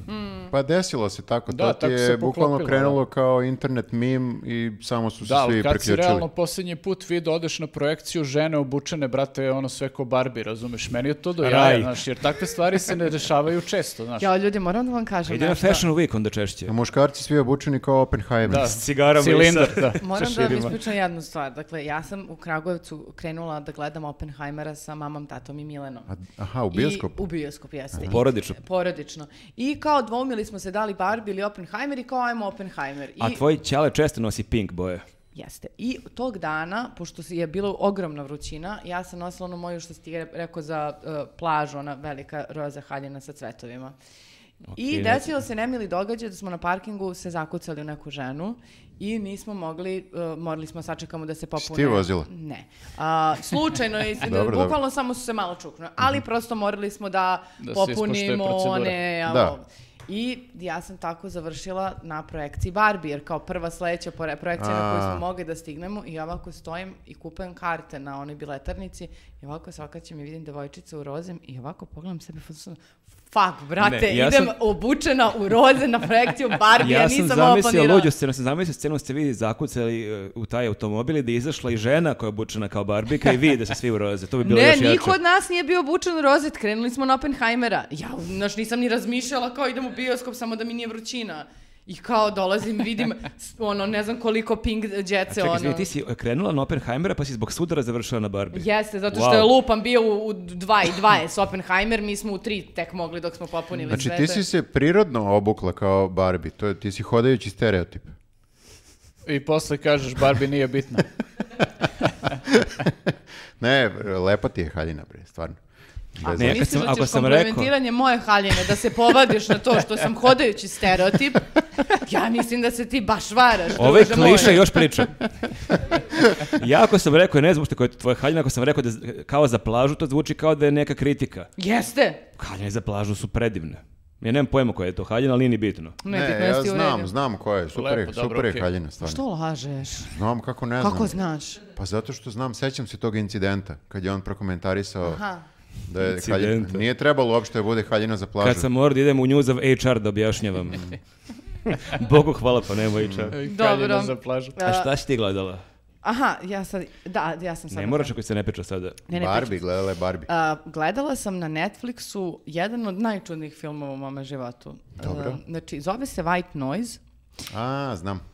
I to, Ne, nisam ga još gledao i nisam ni knjigu pročitao. Ja Izvini, sam počeo knjigu i toliko mi je bila dosadna da sam Da, da, batalio na da, po sto malo se mučim, a iako taj autor je gotivan. Ali, taj autor je Don DeLillo, Da. ja sam čitao njegovih recimo pet knjiga i četiri Da. su mi bile baš ništa posebno. Jedna mi se baš dopala, ali... Ko je? A, Kosmopo, Underground. Cosmopolitan ili Kosmo, ne znam tačno kako se zove, Mhm. sad mi stao mozak. Ima i film sa ovim Christianom Baleom. Dobro. Ko je ludilo? Znači, nisam čitala knjigu, I, ja sam... i- izvini, ovaj... e, e, Nisam ni proverila ocenu na MDB-u, nisam čitala komentare jako, na jako, je loša, jako je loša ocena. Nisam čud, gledao film. e, zato što je knjiga sama po sebi jako čudna. Počeo sam da čitam, nisam završio. Ne, ja ne, ne, ne ja mogu. sam o, izabrala zato što je igra i režiju radio ovaj Noah Baumbach, kako se zove. Da, da, da. On je dobar glumac, mislim, i kao talentovan je. I Greta Gerwig igra takođe njegovu ženu. To je jedna od onih knjiga, izvini što te prekidam, za koju kažu da je nesnimljiva. Da je kao Ali nemoguće. meni je nečitljiva. Ja pa baš imam neki problem s tim piscem. Ovaj lik je uspeo da snimi Mhm. i to je Znači, ja sam to gledala s mojom Artakom Nemanjom, mi gledamo i ovako se s vremena na vreme pogledamo u zonu, Jel, kapi, jel kapiraš ti? Ko? Meni je super sad Ne, kad ali kažeš... čak nije da se ne razumemo, samo je mnogo čudno. I ne, ni- e, nisi ni siguran da li preporučuješ film. Nisam sigurna da li preporučujem Da. film, definitivno, nisam ni prekinula sam šest Ne, kako se rekla s ortakom Nemanjom, kako je tvoja sestra rekla, kako ti stalno, kako kaže, name dropuješ. što i ovom podcastu stalno na- nabacuješ neka silna imena ljudi. Pa Jel dobro- se Nemanji dopao film? Ne. A, ne, pa ka, evo, kako sad objašnjavam svima ko, ne, nego samo kažem, a, nekako mi ispadne kao... Ma znam bre, Nemke, okej. Ne, nego kao Neđa. kad sa ortakom sam gledam film, ali nekako mi uvijek ispadne ime, izvinite. Ma, ne, ne, ne, da. nego je tu bi smešno jer sam to ja zapazio i ona baš je rekao to, ona tako non stop name dropuje, kao, i- i- da, Znači, nije lako. nikad više neću spojiti Marka i moju Nemoj da sestru. dropuješ Vi name. ne znate koliko su se oni urotili protiv mene. Ej, njena sestra je super, Subota ja sam joj rekao, veče, oni su bili nepodnošljivi. ja sam rekao što te ona Nemanja kad ti ne možeš dođeš u podcast, znači pokidala bi. Što ne znači ti ne kidaš. E, dobro, Ja izvini. shvatate da sam ih na kraju subotu poslala zajedno da idu u smešta, ja sam otišla popijem još jedno piće kad sam se to Još jedno zadržala. piće došlo u šest ujutro. Zadržala sam se od muke. Oh, Da ih ne vidi. tebi- Išla sam tamo da kukam mađarima šta mi rade moji, tebi je brate. trebao izgovor da, ok, u redu. Ali da se vratimo na film. Dakle, Ajde, da se white vratimo noise. na white noise. A, to je kao neki ovako indie film. Estetika je onako zanimljiva. Postoje e, ta neka, kako bi rekla, stilizacija na, na nivou kostima i scenografije, pa čak i glume koje mi se sviđa. Znači, to je sve okej. Kako se zove ovaj glavni glumac? Noah Baumbach. Tako. Ma ne, glavni glumac, kako se zove? Reditelj je možda Noah. I on je i glumac i reditelj. Čekaj, Zašto je on, Sve radio je on sam. iz Marriage, Sto- Marriage Story? Jeste. Nije, ne zove se Noah Baumbach. Čovjek se zove Adam... Adam Driver, da, Adam A, Driver. a screenplay, da jebote, ja ništa ne vidim u posljednje vreme, ja se izvinjavam. A, znači, ja, e, znači sve počinje time što kao se desi neki toxic event i u, u, u vazduhu se sad tamo negde u daljini vidi da je kao puklo nešto. Sudarile su se neke d- voz i neki kamion i neka, neka toksična materija surila i to je eksplodiralo i oni sada uh, sede kući, uh, kod kuće i u fazonu su oćale kao nećemo da idemo da se evakuišemo, međutim oni ih pozove kao morate da se evakuišete. Da, šta hoću da kažem, u stvari da vam ne bi prepričavala pošto će biti dosadno. Nekako se vreme u filmu postoji više linija koje se dešavaju. S jedne strane ti primećuješ da se nešto dešava sa Kevom koji igra Gre Greta Gerwig. Uh, tu je dosta dece. Jedno od dece primećuje da nešto nije u redu sa Kevom. Paralelno se dešava taj toxic event i samo na kraju ništa. To, to je trebalo, koliko sam shvatio, čitao sam o knjizi i o filmu, e, trebalo bi da bude neka vrsta satire. Vidiš kako svi neke satire hoće preporu- satiru, da. preporučujemo. Da Ja sam preporučio, Nenad preporučio, ti preporučuješ. Ne, ja, ja sam- baš full ozbiljni i filmovi i knjige. Ja sam baš danas. toga. Ne, ja, za- ja zapravo nisam htio pričati o Barbie, imam film drugi, nego ovaj, poslije da ga pomenem, nije satira, nego je ovaj... Ne Nešto znam, drugo. uh, ovo m, s- s- nekako... Nema, ne morate se vaditi, satira ne, je. Ne, legitimno je sve to super, ja gotivim to da gledam, nego samo što da sama e, priča koja se dešava Nije to odradila. je mnogo čudna. Znači, e, gluma, e, scenografija, kostimi, Pa da, sve odnosi, A, sve mi je to a cool, da te ali... pitam, e, da li ima, pošto, kažem, ja sam knjigu batalio možda čak i pre stote strane, ali tu ima toliko nekih čudnih dijaloga, čudnih likova. Čudnih zanimanja. Ima neka razgovor njega sa ženom gde oni nešto pričaju jako učitivo da li će da imaju seks ili neće da imaju seks, ali Pa to je to je neki... sve trebalo da bude satira. Kao neki Ionesco, kad čitaš neko ono, baš absurdno pozorište, Aha, otprilike e, pa tako da, mi da, deluje da, na da, momente. da. Jel to i u filmu tako? Jeste, Ne, jeste. Samo je mnogo čudno. Da, samo je mno- mislim, i to opravdanje kasnije, jer ona kao provaljuje da ona uzima neke lekove. E onda taj razgovor, kad ona njemu objašnjava zašto je to nešto radila, ja sam u fazonu, je, ja sam glu, jesam ja glupa, ja ne razumem ovo. Nisi, evo kad googlaš film, ovo je jedno od prvih pitanja koje ti izbacuje Google o filmu, kaže is White Noise movie, ne, samo da vidim gde, aha, ovaj, uh, what was the point of the movie White Noise? Ne, ja stvarno jedno od ne, prvih pitanja na Google. Stvarno ne razumeš, zato što kao i, i sam toxic event i njena navučenost... Su nebitni. Ne, ne, ne. I njena navučenost lekove da su izabrali Mhm. jednu od te dve linije kao pa i ajde nekako da prati. A Ovako ne kap... m, Ni jedno ni drugo, ne, samo, eto, ja, evo, ja ću samo kratko reći, ja stvarno ne razumem, ali mi Mislim se... da je trebalo da bude kritika potrošačkog društva, ali nisam siguran. Ili kapitalizma, možda. A ne može svaki To film da se često bude, objasni, to je da. kritika kapitalizma. A Mislim. ovo je stara knjiga. Pa to iz 80 i neke, Da, 85. mislim 6. stara, okej. recimo.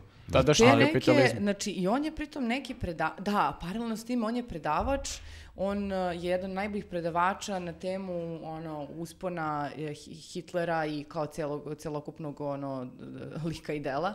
Ja mislim da ima neka, čak, čak neki e, uži kontekst Hitlera. Nešto bukvalno kao Da, moguće. jedan mesec u Hitlerovom životu. Da. ne, mislim lupom, ali, ali... onda on dolazi na predavanje drugog i onda sad tu postoji kao neki polu... Da nešto pričaju o Hitleru nešto. Da, ali ta kao neki scena. intermeco, kao sad neko, kao neka pozorišna scena gde on tako skače i onda Pa kao da, priča... sve je pomereno. Kao Sve je je neki jako teatar pomereno. apsurda, da, ne znam, meni je čudno, Don DeLillo je već godinama se spekuliše i spekulisalo se da će dobiti možda i Nobelovu nagradu i ovo je njegova najpoznatija knjiga i mene... Često kažu kao najpoznat, najveći američki... Jeste, on je bio idol Polu Osteru i mnogim piscima i mene nekad nervira koliko se, koliko ne mogu da doživim nekog toliko velikog pisca, a stvarno sam čitao njegovih 4-5 knjiga i kao konačno nedavno je Geopoetika objavila ovu knjigu baš pred film, možda mesec, dva dana pre izlaska filma.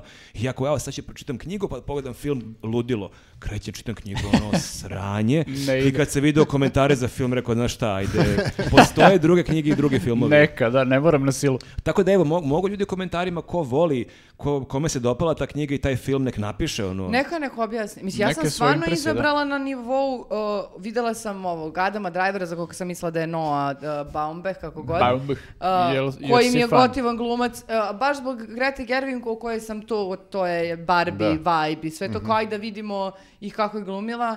I samo nisam... r- Tako da ako ste vi razumeli, slobodno nam napišite u komentarima. Dobro, dobro, to je zanimljivo da, da imamo neke Da, filmove ali ako koje nismo hoćete, skapirali. ako hoćete da pogledate nešto i da budete sve vreme u fazonu "Wow, o, o", Gledajte s nekim. Da, da. Čisto da možete da možete komentariš- da se pogledate. Pa ne možete ni puno da komentarišete. Ostaneš nem. Samo si... Dobro, dobro, to je znači dobar film. Ok. Da, da, ali vidiš, ali film je, generalno nije dobro prošao, a Nije. knjiga je kultna. I, ono, ali mene ni knjiga nije odradila, tako da ajde, ako vam se barem knjiga dopala, objasnite zašto. Možda je bolje na engleskom. Ali ja ne razumem priču. Mene je priča najveći Ma problem. nećemo sad da analiziramo, niko ne razume, ljudi, pomirite se s tim, nismo mi na tom nivou. Ok. Na tom nivou sarkastičnog... Da. To bi bilo dobro ime podcasta, nismo mi na tom nivou. Koje god temu da, da obrađujemo, ljudi, bilo realno nismo na ovom nivou. Dobro, Marko? E, ja e, sad moram da se nadovežem, Nenad imao južnokorejsku seriju i ne znam da li ste e, ispratili poslednjih desetak dana, meni je na nekoliko mesta i na Facebooku i na Twitteru i na Instagramu iskočio film koji se zove Past Lives. Ne znam da li ste čuli za taj film.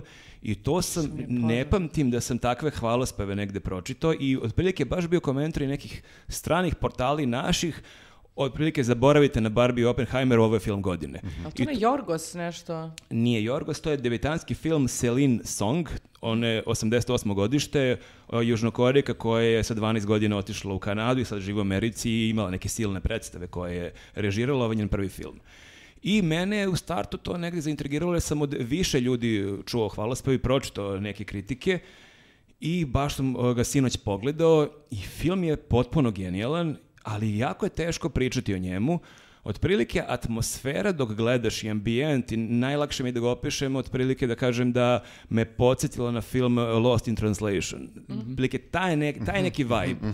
Film koji ima jako jednostavnu priču i jako je onako spor i lep i stilizovan i setan, melanholičan i za razliku recimo isto Lost in Translation se dešava u Tokiju beše, a gde je, su dvoje Amerikanaca u toj nekoj, zarobljeno u nekoj drugoj kulturi, ovdje je još negde to malo kompleksnije, jer priča je takva, a pritom sam posle čitao da je to potpuno autobiografski film, da je ova Celine Song, da je zapravo to njena priča. E, film počinje tako što su za šankom e, troje ljudi, e, momak i devojka iz Južne Koreje i jedan m, momak iz Amerike. I otprilike narator kao da imaš kao situaciju da neko njih gleda i pita se ko su ovi troje, jel su to njih dvoje braku, ovi njihov prijatelj, su ova Korejka i ovaj Amerikanac u braku, ovo je njen bivši dečko, njen brat, otprilike kreće tu neka pitanja ko su njih troje i čime se bave i onda se film vraća 24 godine ranije, gde vidimo njih dvoje u Seulu koji idu zajedno u školu, imaju 12 godina i to je onako jedna jako simpatično i lepo prikazana neka ljubav, ali na nivou simpatije. Još uvek oni nisu izrazili i iskazali tu ljubav. Oni idu zajedno u školu i šetaju zajedno kući i imaju neki takmičarski odnos, to jest ona više pokušava da se s njim takmiči, ko je dobio bolju ocjenu, jedan put se tu i rasplače, jer je prvi put u životu on dobio, ima više pojena na test od nje. I oni tako imaju jedan lep e, drugarski odnos koji ide ka nečemu višem, ali samo e, saznamo da oni treba da se isele iz e, Južne Koreje. E, njen otac je reditelj i oni žele da odu u Kanadu. I ona odlazi kad ima 12 godina ona, i to je jako jedna lepa scena na samom početku da otprilike on hoće se pozdravi sa njom, ali ne zna kako i samo joj kaže s Bogom, oni klimnu glavom i oni se tada rastaju. I onda film skače 12 godina kasnije, kada su oni dakle, u nekim ranim 20. gde ona njega pronađe na Facebooku. Ona tad živi u e, Njujorku, ona se bavi dramaturgijom, on je dalje u Seulu, studira za programera, neki tehnolo- e, tehnički neki fakultet i oni kreću, pronalaze na Facebooku i kreću preko Skype-a svakog dana da priči i tu kreće se dalje razvija neki njihov odnos. I sad ne bih sad previše da pričam šta se dešava, mada opet s druge strane priča je toliko jednostavna, nema ovde mnogo ni spojlovanja, nema ni nekih obrta. To je jedna takva topla, lepa i setna ljubavna priča, ali ono što je meni potpuno zanimljivo, što sam shvatio e, da je to istinita priča i, i postoji taj moment gde on dolazi u Ameriku, gde on viđanju konačno 12 godina kasnije, kad se već u svojim 30. godinama, gde se ona umeđu vremenu udala za nekog Amerikanca. I e, zanimljiv mi je moment što sam video e, da e, su oni svi stvarni likovi, onda sam naravno hteo da vidim kako izgleda ta rediteljka, kako izgleda njen muž. Inače u filmu svo troje su perfektni glumci, toliko, toliko dobro glume i toliko su njihovi odnosi, toliko je us- uspeo uspela da kroz neke poglede, dodire, kroz neke takve detalje ti vidiš, ti imaš te neke duge kadrove gde oni šetaju, gde se ništa ne desi po minut, dva, ali dovoljno je da vidiš jedan drugi pogled da tebi bude jasno kako se njihov odnos razvije, kako se budi ta neka emocija koju su oni imali u detinjstvu, gde opet imaš taj neki sudar gde ona u nekom procepu ona je već neka Amerikanka, ali dalje ima nešto što je veze za Južnu Koreju i opet on je neki tipičan predstavnik Južne Koreje, a ona opet živi neki američki život sa svojim mužem Amerikancem, ali ono što mi je bilo jako zanimljivo što sam video da ona je stvarno udata za nekog pisca, i onda sam, mi je mozak eksplodirao kad sam sad danas malo googlovo da vidim ko je taj lik, šta je on pisao, da li išta znam što je on radio. A, za sada ne znam, ali, ali ovo je sad meni super moment. On sledeće godine izlazi film za koji ste možda čuli, e, dosta su ga navljivali, zove se Challengers. To je film gde ova Zendaya glumi i ima ona čuvena neka scena, to je režirao e, Luka Gadanjino koji je radio filmove Call Me By The Name i Bones Doll, o kom sam pričao, onaj film o ljudožderima, pre par podcasta sam pričao o tome. Uglavnom, postoji ta scena koja najavljuje taj film gde je Zendaya, ona je neka mlada teniserka i ona je na krevetu između dva momka i ljubi se malo s jednim i onda malo sa drugim. I to je zapravo, ti shvataš, on je napisao taj film, to jako liči na ovu njegovu priču, jer je ovaj film je ta scena, on je sa svojom ženom i nekim drugim tipom i on ima emocije prema jednom i drugom i meni je potpuno mozak eksplodirao, sam onda shvatio da i ta priča, taj film sa Zendajom, da i ona prati nju kao mladu teniserku koja zna tu dvojicu momaka, mladih tenisera još iz detinjstva. I oni vremenom se tu zajedno Ona se udaje takmiče. za jednog od njih. Ne znam šta se dešava, taj film nije još izašao, ali mi je bilo potpuno neverovatno što sam shvatio da jako mnogo motiva iz svog života koji gledamo u ovom genijalnom filmu i on prene u neki svoj sledeći film koji ćemo gledati sledeće godine. Tako da eto, jedva čekam i taj film da vidim. To je kao serija sada. Pa da, sad baš namo, baš Ne, se baš delo je prepliče. uzbudljivo. Ja sam gledala trailer za taj e, sa Zendajom i baš je onako, ona se nešto povredi, bila je kao bukvalno i bolja od njih dvojice u tom nekom trenutku. U krevetu. Sram te bilo. Okay. Sram te bilo. Nisam gledao trailer, Sram šalim te se. bilo. Pa, ali trailer jeste takav trailer, je, ona sedi među njih dvojice, ljubi se s jednim, sa Da. drugim, dakle vrlo je provokativan taj e, trailer. Ali vidi se da je bolja u traileru od njih u, i u tenisu. U tenisu, a? Da, da, da, da.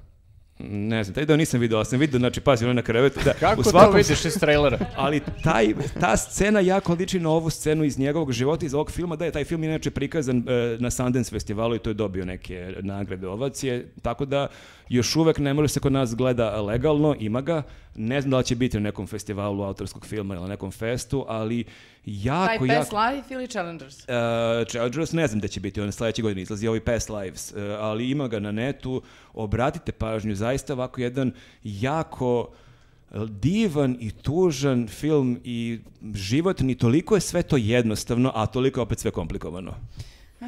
Dobro. Znači, Verovatno, da, verovatno još imati onako, verovatno ćete trebati maramice, za stvarno baš je ovako, e, baš emotivan film. drugo, drugo južnokorejsko ostvarenje koje smo predstavili. Jeste, Jeste, da, ali ovaj Ovog- baš nije ovog- bolestan, ovo je baš U ovom onako... podcastu smo u tom fazonu.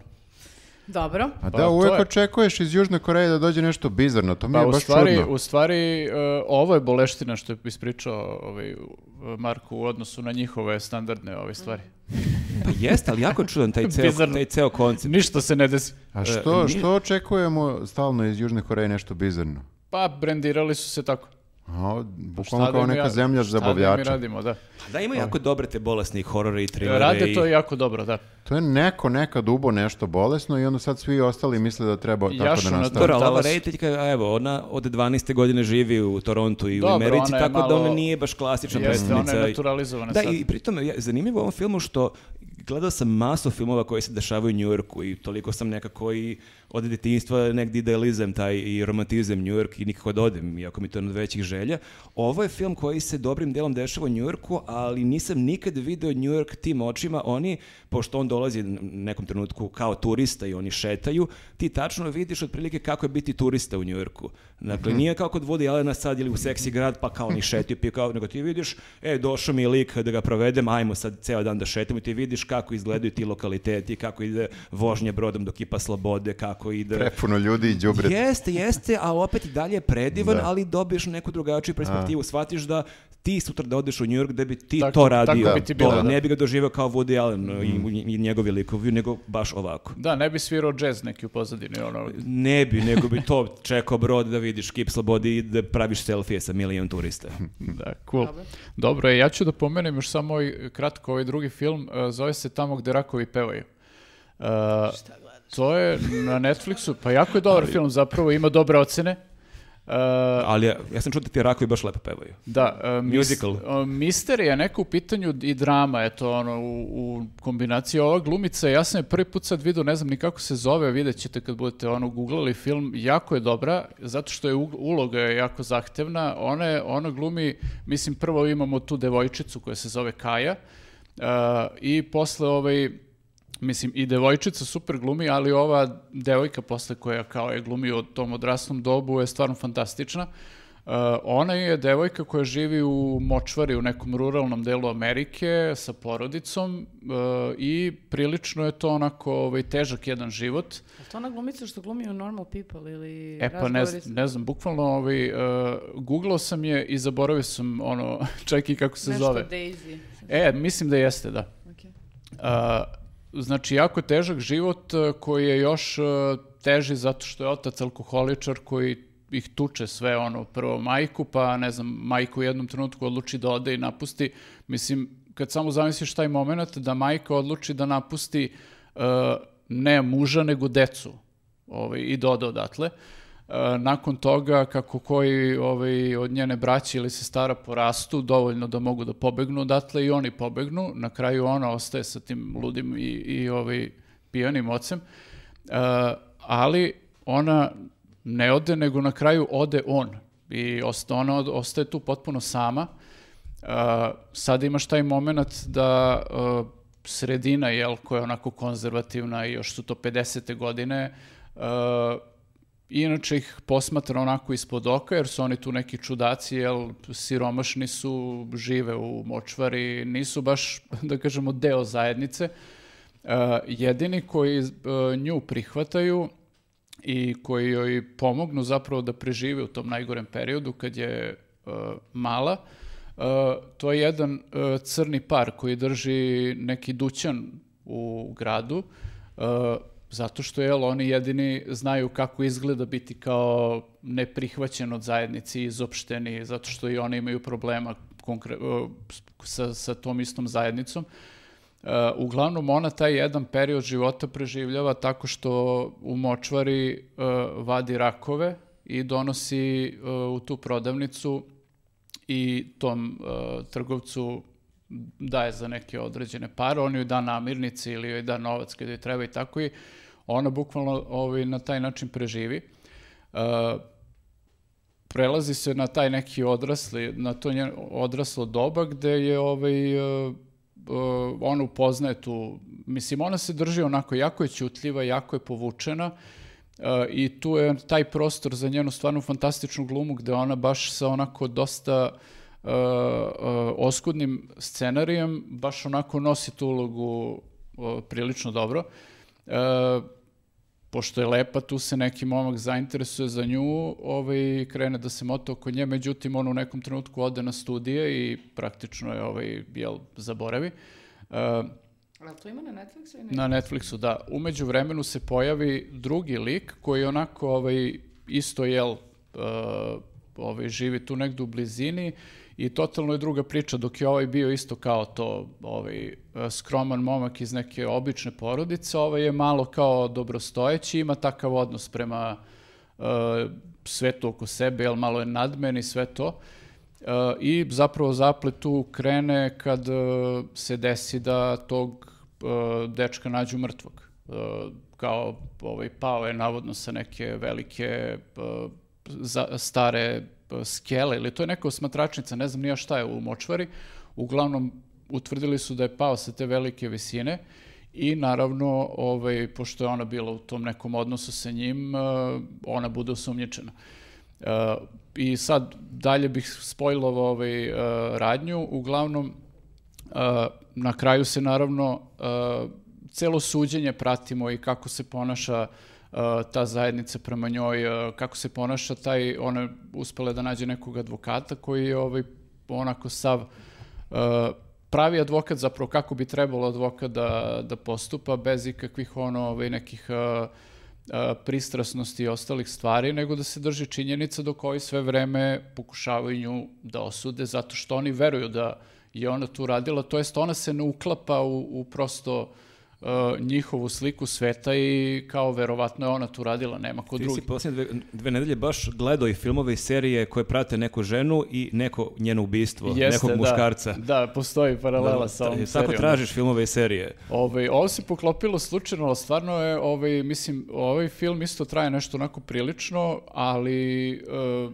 onako lepo drži pažnju, pogotovo što imaš i ovaj, taj neki moment nije sad da ti drži pažnju tom nekom konstantnom napetošću, ali te drži pažnju ono između ostalog i tim nekim ono uh, predivnim predelima, jer taj, ta priroda gde je to snimano je stvarno fantastična i mislim ima tu nekih onako lepo baš snimljenih momenata.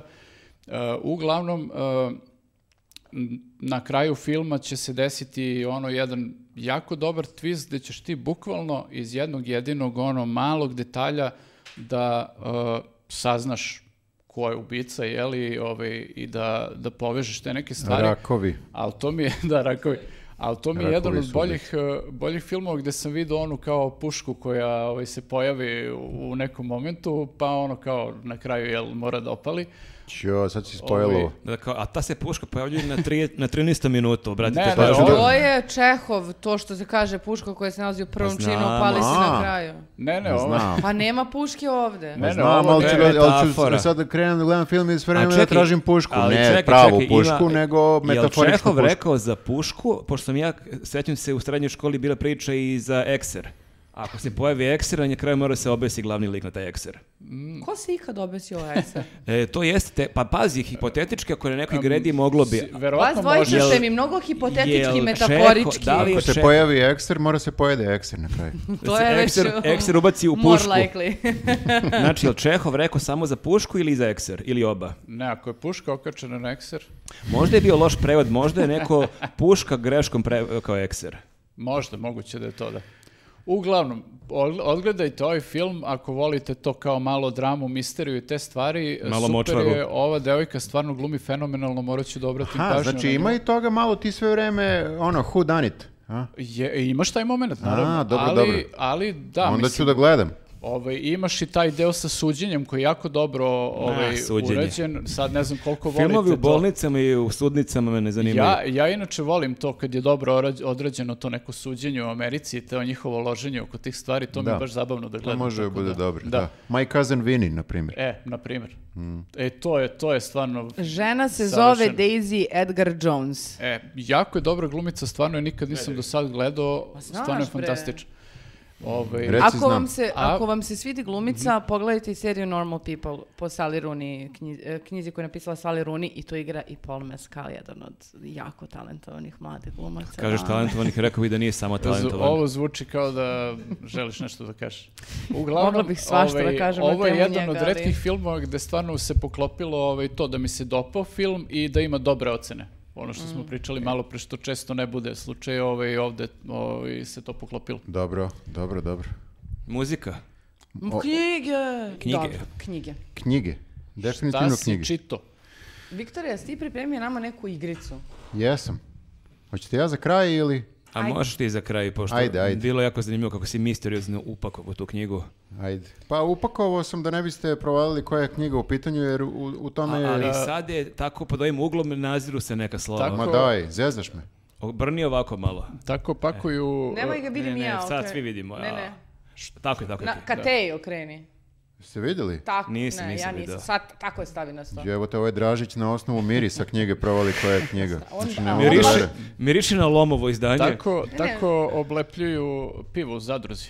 Što bi Dražić rekao, on baš puno čita. On je kao onaj lik na netu. Znaš onaj što pogađa na Google Street View na osnovu Jeste, na jednog, osnovu jedne slike. jedne, jednog sekunda kao pogodi koja je A zemlja. imaš i tim nekim pub quizovima, oni kad e, puste sekundu, dve neke pesme i ljudi da. provaljuju. Ja to nikad ne bih mogao. Ja da to po- mogu, ali ovo ne bih mogao Drago za... da Kako da okrenemo? Tako, Ovako? tako. Tako, tako. Drago mi da si to pomenuo, moram javno da vas nekako ucenim, ako nije problem. Ajde. I izbacimo u montaži ovaj deo. Nemoj, te ja, nemoj. A, molim vas, jel možemo ti da imamo neki pub quiz zajedno? E, možemo. Može kao opisa ono pop kultura i to. se. Možda nešto opšte. Ti, e, baš pub kvizovi konkretni, ono, državni posao, Ne, office. to nemamo šanse. Tu nemamo šanse. Mislim, za ofici nekako, ali Nemamo opet... šanse ni na ovim Nas, opštim realno. nas bi u, u pub kvizu o news podcastu pokidali neki naši gledalci. Verovatno, da. To sigurno. Mi nemamo pojma Ajde, vidjet ćemo šta ima od tih tema. Ajde i čujemo se od nedelje pa se dogovaramo. Ima, ja znam ideje, pub quiz Zvaćemo- u centru je, znači blizu je tebe i tebe. Zvaćemo Pa ne, a tebe. možda neko ko organizuje neki dobar pub, pub quiz u Beogradu, možda možda nas pozove i kaže ljudi u sledećeg petka je to i to. A jeste, sve mora da nam se organizuje. ja mislim stvarno da nema potrebe da uvlačiš ljude u svoj bezobrazluk da posle ih odbiješ. Znači, zvali su nas ljudi na mnogo stvari i nismo otišli. Zato što... Otići ćemo i- barem na jedan pub quiz. Ako nam, Do kraja godine. Znaš ako nam kako? se učini da možemo da pobedimo. Znaš kako, da spojimo više stvari u jednom, znači zvali su nas na onu školu vajanja i sad da recimo odemo na pub quiz i da vajamo dok A rešavamo. zvali su nas i oni iz Pančeva za kajak. E, ne, ne- možemo da vozimo kajak dok radimo pub quiz. Nećemo sad Molim javno vas, o nemojte svemu. da se svađate. Da. Mi, mi smo drugari. Da.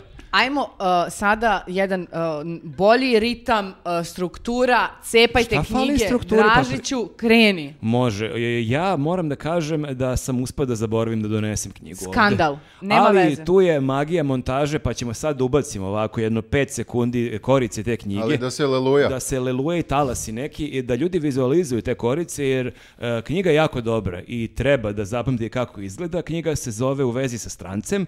Pisac je Kristof e, Hein. A ti, da ti si čitala tu knjigu?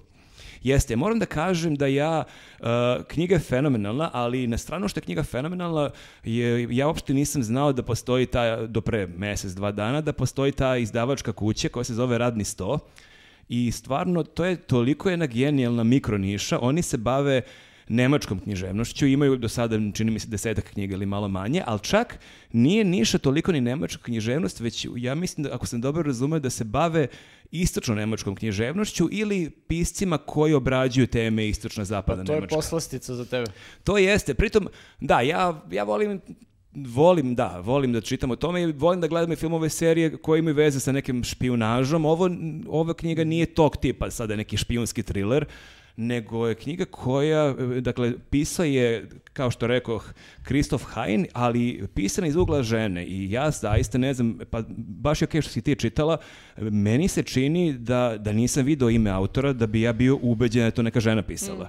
Jer mi se čini da on toliko iz ugla žene sjajno pisao i njen život i njene probleme i njene poglede na svoje koleginice, na svoju familiju, da onako to ne pamtim da sam čitao toliko verodostojno, ali opet sam sve vreme mislio, ok, ja kao muškarac možda ja tako zamišljam da žena funkcioniše i razmišlja, jel si imala ti taj utisak? Da, meni je bilo skroz... Mislim, vozite knjigu, vučete vrlo brzo u celu Ne, ne uvučete, priču. ali mi deluje stvarno da je uspeo da uhakuje kako bi neka žena se ponašala i razmišljala. Fluidan lik. Mm. Jeste, skroz.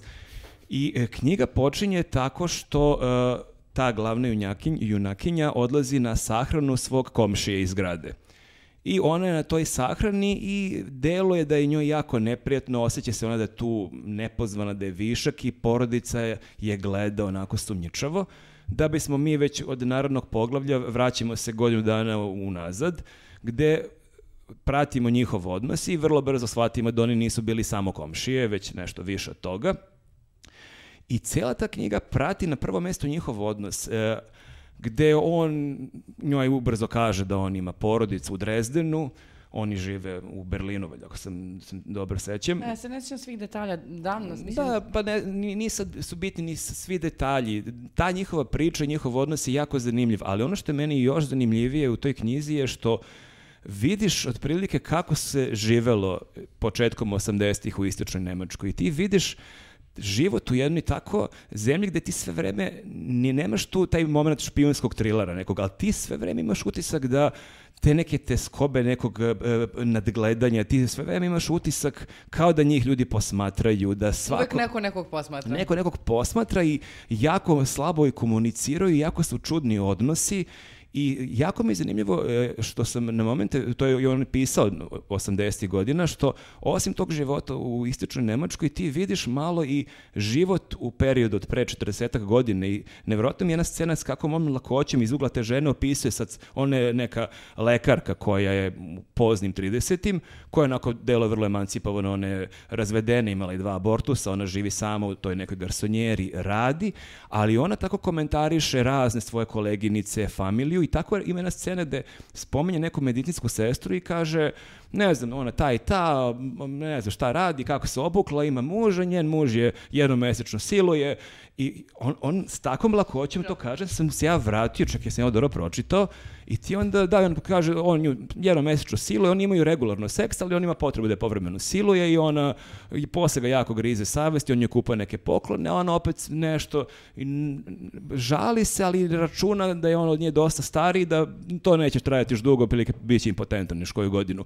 Ali s takvom nekakvom lakoćem neke takve, e, takve scene spominjati, shvatiš otprilike i kako se kako su bili neki odnosi i ne samo u Nemačkoj tog doba, već generalno neke situacije kakve su bile verovatno i ovde. Pa da.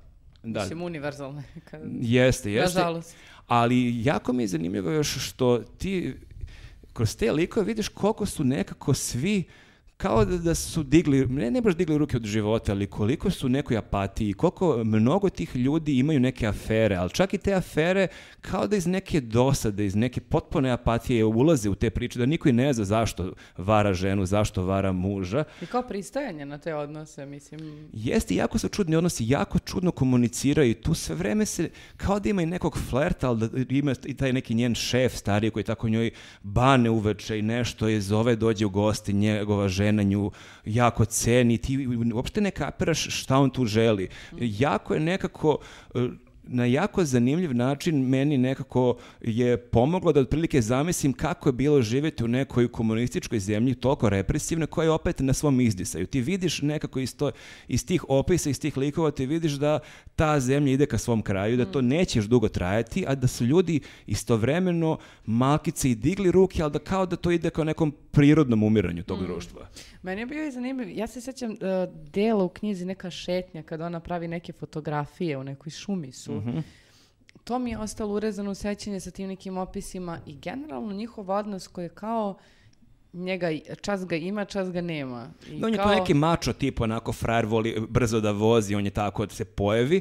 I ono nekako, i, meni je naravno verovatno i iz ženskog ugla bilo zanimljivo to pristajanje na neki odnos, kao to ti je sad tako i kao, mislim što ide u korak s time što ti pričaš, kao da, na pristajanje na razne neke odnose koje ti ljudi E, imaju. Ima ja jako čudne odnose, a niko kao da i ne znaš zašto ima takve odnose. Niti se sad nekako ne, preterano nešto buni, niti vidiš ti da ona sada ima neku ambiciju da tu nešto promeni u tom... Kao da su svi likovi onako malo digli ruke od života Da. i da životare i da iz neke dosade prave neke sitne spletke da niko od njih ni ne zna zašto to radi, a ima jedan jako zanimljiv deo kada ona s njim odlazi u svoje rodno selo, gde se ona seća svog detinjstva i gde ti vidiš kako je ta represija bila prisutna još od njenog detinjstva, ima ta neka scena kad sretne neku svoju drugaricu pa se seti kako su nju maltretirale devojčice i kako je su njoj skinule gaće na fizičkom i kako su se smeli, kako se i nastavnik fizičkog smejao i nije hteo da da gaće, nego se on neko vreme smeo pa je tek onda pomogao i kako je taj nastavnik fizičkog njih pipkao kad su radili raznoražne ve- vežbe. Tako da, otprilike, pošto je opet nešto što vjerojatno nije samo vezano za istočnu Nemačku, vjerojatno je i u Jugoslaviji 60-ih, 70-ih bilo takvih silnih nekih epizoda, ali ti tako vidiš da oni od malena negde ne mogu da do kraja upravljaju svojim životima i da pristaju na nešto i da tako otprilike životare i imaju neke svoje sitne radosti, ali da je sve vreme to negde da ne mogu da dišu punim plućima, nego da, Da, i sve da to... ni- pa da, i da se nisu kao, mislim i to kad vidiš kao ona je bila sa tim čovekom u tom odnosu, on je umro i to ona kao da je sad to bilo prošlo nekako.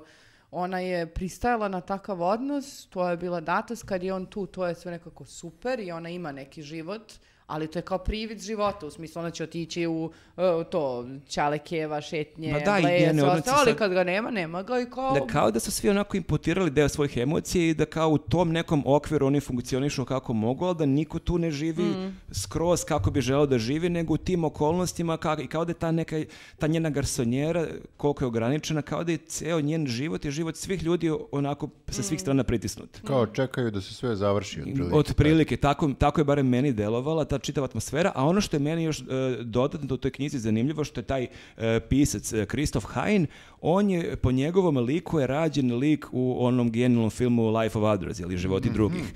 Dakle, u tom filmu postoji taj disident pisac, vrlo lep, vrlo harizmatičan, koga on je agent Stazija godinama prati. E, taj lik tog pisca je rađen po liku ovog pisca. Mislim, u ovoj knjizi se ne vidi takve neke situacije, to znači privatno je on očigledno bio zanimljiv njihovoj državnoj bezbednosti, jer je smatran bio za disidenta, jer i ova knjiga kad je izašla, to je već, bilo su neke 80. već ta država jeste išla ka kraju, ali ti vidiš da to nije direktna kritika da on sad kaže ova zemlja katastrofa, ovo propada, ali ti vrlo, jas, vrlo ti je jasno da tu ljudi nisu srećni.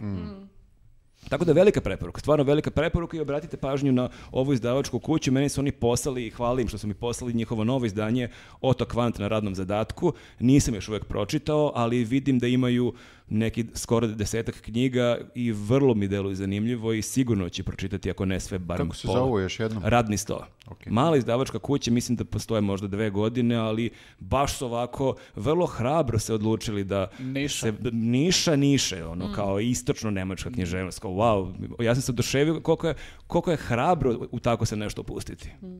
Cool. Nenade? Ja?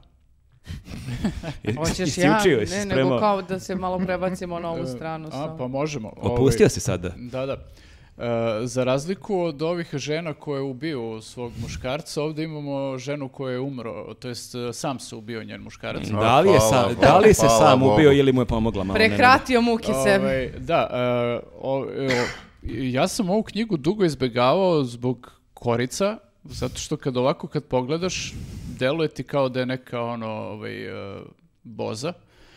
E, ali e, zapravo se ispostavilo da, da je jako dobra knjiga e, i onako ima nekoliko ovaj, slojeva ko- kroz koje nas provodi ova autorka se zove Sigrid Nunez. Sve počinje tako što njen mentor i dobar prijatelj, a zapravo kasnije saznam u knjizi da je bio malo više od toga u nekim periodima, e, izvrši sam ubistvo, on je bio neki jako popularan pisac u Americi, E, međutim imao je to je neke razne i depresivne epizode i sve to i on izvršio samoubistvo i e, ostavio je iza sebe između ostalog jednog omatorelog mužjaka nemačke doge. I e, sad problem je što on ima nekoliko puta se ženio, ima ne znam tri bivše žene. E, između tih e, brakova imao gomilu nekih avantura, pošto je, osim što je pisac, istovremeno i predavač na fakultetu, predavač književnosti, pa su tu studentkinje, između ostalog i ova autorka je kao bila njegova studentkinja i ona je bila u jednom periodu u vezi sa, sa njim. i on je imao tako milijardu tih nekih veza, prolaznih avantura, vezica. E, međutim, na kraju to kad izvršio sam ubistvo, recimo, ovaj, ni, čak... Kad je završio sam ubistvo, recimo. kad je izvršio sam ubistvo, ni jedna od ovih bivših žena nije htela da uh, uzme psa, da, da se brine o njemu. Uh, desilo se to da su na kraju psa uvalili ovoj auto i ovoj junakinji, jel, uh, glavnoj, uh, gde ona prosto uh, ne zna ništa o tome i sad ono ima, jel, prosto milijardu dilema oko toga kako uopšte da se ponaša u prisustvu psa, pritom uh, pas je uh, u situaciji da pati za vlasnikom koga više nema i sad ona tu mora da vodi računa i o tome kad će onda shvati da vlasnika više nema, pa kao mora da hendluje psa u tom nekom emotivnom smislu, mora da hendluje sebe u emotivnom smislu zato što i ona pati jel, za, za tim čovekom. Uh, I totalno je ono život u haosu. Pritom, uh, zgrada... Pas mnogo jede. Uh, to je najmanje problem, ono, veći je problem što je jako smešna situacija što mnogo Kenja. Aha, okej. Zato što Pa, mnogo zato jede. što mnogo- da. Da. Ovaj, ali to kad jede još i može da ga nahrani, ali kad treba da ide da se iskenja, ona bukvalno... o- Treba velika o- kesa. e, treba velika kesa i opisuje da su oni bukvalno atrakcija, ne samo A tu čekaj, u kraju. ta, ta, ta knjiga duhovita ili je... E, duhovita je knjiga, ali nekako onako, kad ima te ovaj, e, e, fore, to su onako, onako, e, cinične su malo forice uglavnom, i, ali nekako te baš onako iskreno nasmiju, naročito te vezano za, za te njene avanture sa psom. A ti se tu pronalaziš jer ti imaš E, psa. Pa mogu da se prepoznam u dosta nekih situacija, ali ovo je, znaš, prilično speci- specifična situacija jer e, budu atrakcija zato što je pas ogroman, budu atrakcija gde god da krenu, e, pa iz toga imaš i razne ljude, razne komentare gde ovi ljudi stvarno imaju neke zle komentare, ono, nijotkuda, zato što ona šeta tog ogromno, ogromnog psa.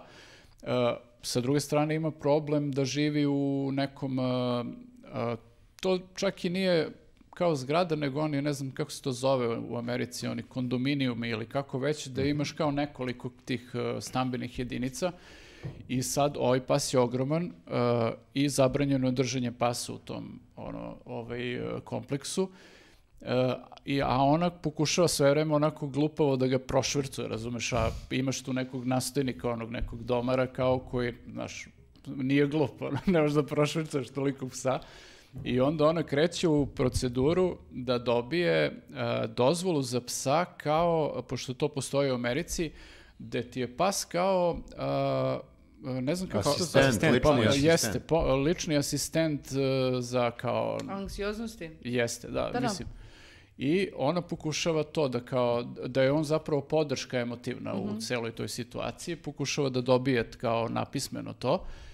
I, e, a opet sa druge strane imaš taj jedan moment gde se ona bavi književnošću i piscima, generalno ima neke svoje digresije vezano za to i ti kroz te digresije upoznaš nju jer i ona se bavi pisanjem zato što je jel, i ovaj, to završila na kraju krajeva i kao bavi se pisanjem, ali kroz to, kroz te digresije upoznajemo i tog ovaj, uh, uh, pisca koji je izvršio samoubistvo. Uh, i onako hvataš konce kakav je njihov odnos i ti negde zapravo shvataš da je jedina žena koja je konstantno bila u njegovom životu kao neko sidro sve vreme, koliko god imao ti, on tih nekih brakova a, i a, veza, avantura, kombinacija, da je ona jedina zapravo sve vreme bila tu i ona kao bila mu je neko utočište u svakom trenutku, čak i kad to nije bilo na nekom emotivnom ili seksualnom nivou, nego samo onako kao Prijatelj. na nekom prijateljskom nivou, da.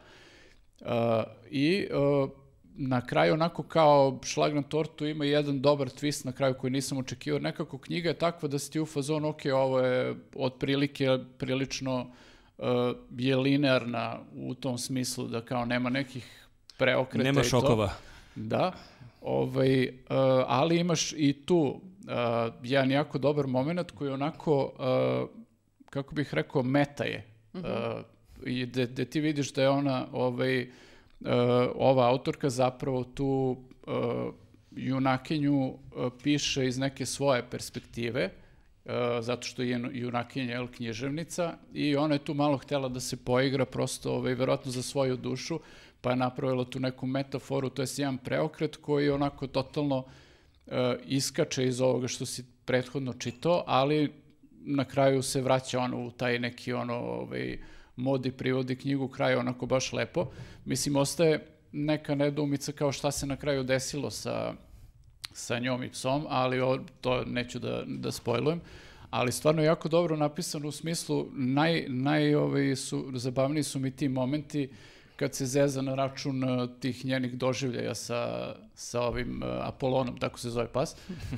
Ovi totalno, jer opisuje koliko je zapravo uh, To je bi- dobro ime za psa, moram da Jeste, kažem, što je tako za- velik. pogotovo za takvog psa, jer o, potpuno je o, bizarno koliko je on velik i iz toga o, proizilazi ta cela komedija, jer on nije svestan koliko je, na primjer, težak. Ne, ne, koliko zapravo, je- kako si počeo pričati, zvučalo mi kao neka baš teška knjiga, ovi se ubio. E, i- zvuči tako, da, ja sam sa druge strane mislio da je ono kao ovaj, nešto onako previše ovaj, lagano i površno, a zapravo je negde našla onako ovaj, dobru meru između ta dva Između ekstrema. Boze da. i Čemera. Da, da, da, baš je onako ovaj, e, lepo je uspela to da, da ovaj, nekako uskladi i mislim, sviđa mi se što je ovaj, taj, taj humor toliko ovaj, na taj način napisan. Nema ga e, mnogo, ali kad ga ima, stvarno se nasmeješ naglas, ono, bukvalno te ovaj, e, baš onako lepo isprovocira.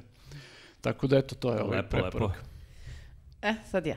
A sad malo ono. E sad, e sad malo ja. A, Reč i misao. Da, Znam tu knjigu. da. To mi je omiljena knjiga. ja sam sasvim slučajno nabasala no, novu knjigu uh, na moru u trenutku kad sam mislila da mi neće preostati više šta da čitam, jer jedna koju sam krenula da čitam mi se nije svidela, ona mi je jedina ostala.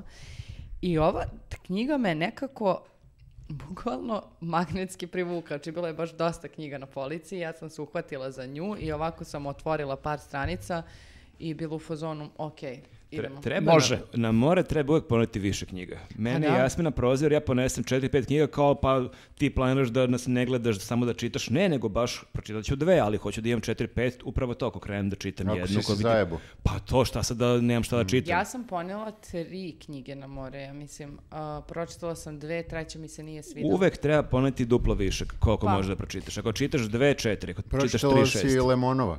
Limonova. Limonova, da. Jel si provjerila ovog lika? Jel A, s- on... Mislim da je Singer okej. nije- Desingerica. Da Singerica. mislim, a, sam- Nije pucao po nekim gradovima, ne? Mm, Mislim da nije. Mislim da su Dobro. više pucali Da, na... čak i pobe- njeg- čak i pobegao od rata. Da.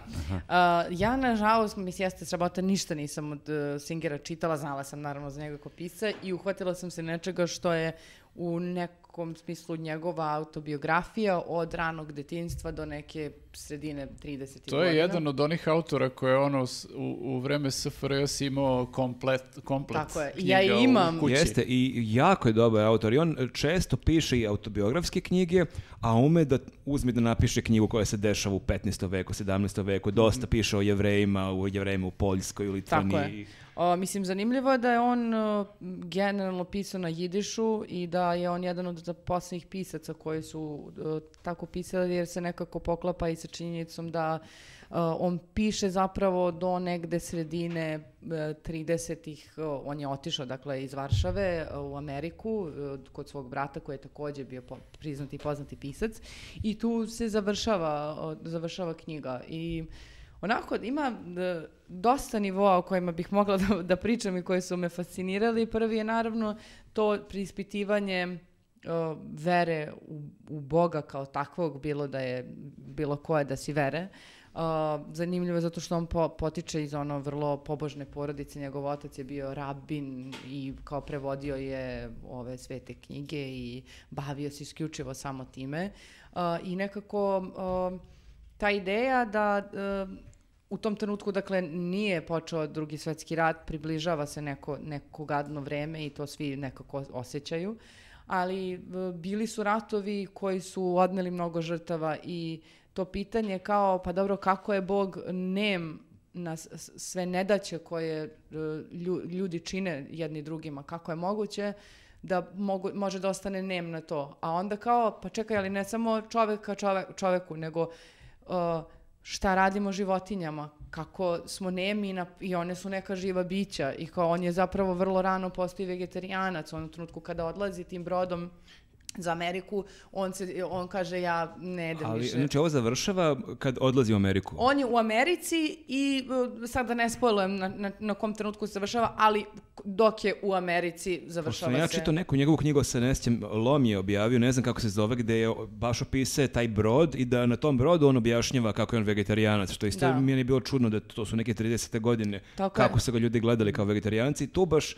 moguće da tom knjigom nastavlja uh, od momenta Ne, ne, kad se tu, u ovoj knjizi isto objašnjava taj moment kao kako i, i njegova rešenost generalno da, mislim, da, to sve preispituje, a da tako ipak ostane nekako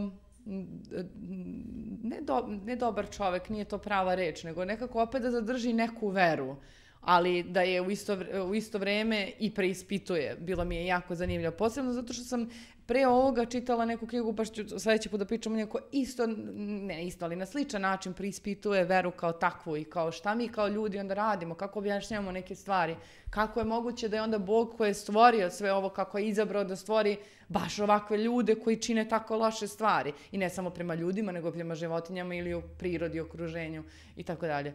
To mi je bilo zanimljivo. Bilo mi je nebeski zanimljivo kako je moguće da jedan toliko nesiguran, toliko e, ne, čovek anksiozan koji je vrlo onako e, introvert, uspeva da razvije toliko e, živopisnih e, ljubavnih odnosa sa ne jednom nego više žena. I kada kažem više žena ne mislim jedna po jedna nego istovremeno e, ljubavne odnose koje je razvijao e, i u Ne, kon- neka su se pisci A cenili. ti introvertni su najzajebaniji. Bukvalno tiha voda bre groni, brate. Ne a mogu tada da nije verujem. Bilo, a za- tada nije bilo Tindera, zamisli sad da je, U, da je imao još sa- i Tinder. Sad bi satiro. Da, i pritom, znaš, njegov jezik je, e, nije vulgaran, pošto prvo on je svestan da piše o stvarima koje su, kako bi rekao, svetovne za nje- njegov narod. To su nebitne stvari o kojima e, jevreji treba da pišu i teme kojima treba da se bave. Pa i onda način na koji on opisuje te odnose vrlo delikatan i onako nije vulgaran, to hoću da kažem. Ali pazi, ima seks u njegovim knjigama, nije... Ima, ali ovo kako je on opisivao, znači i mi smo se tu strali na stepeništu i, I op. mm, znaš kao, i mi smo se poljubili. Znao je neke fore. Da, ali naš, e, ne, neverovatno je da ono objašnjava sva svoja stanja, raspad, znači on živi u nekoj odvratnoj, memljivoj sobi punoj bubašvaba, e, da ima zarađalu česmu iz koje curi žuta voda koju on To je spreman samo da deo pije. njegovog šarma. Ali pazi, to su 30. Mislim da je tad mnogo ljudi tako živelo.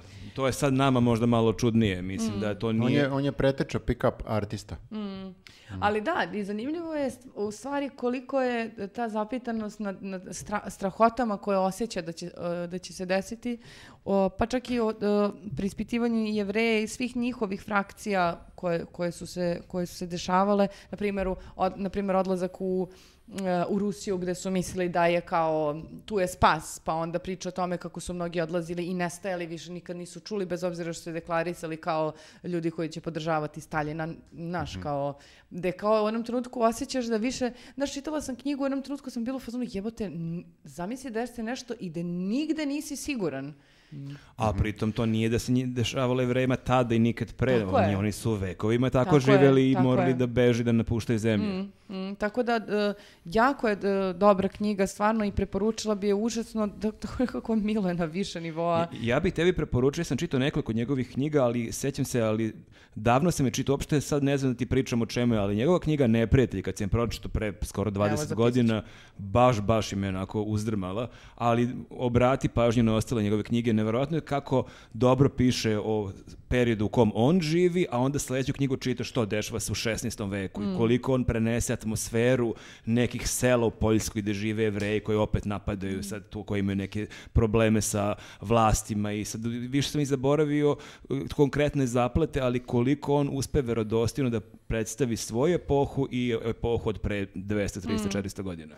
Jeste zanimljivo, mislim, meni je zanimljivo i kako je predstavio ono Ameriku i ge- generalno život u izgnanstvu. Mislim da nije isto kao, kao sada, naravno, jer više i putujemo i mnogo smo u tom smislu mobilni i nije sad tako čudno da odeš i oceliš, ali taj moment čupanja sebe iz apsolutnog korena, nemaš više ništa, sve si ostavio Na nekako. taj moment kad ti ideš brodom i kad ti znaš da se najvjerojatnije nikad više nećeš vratiti.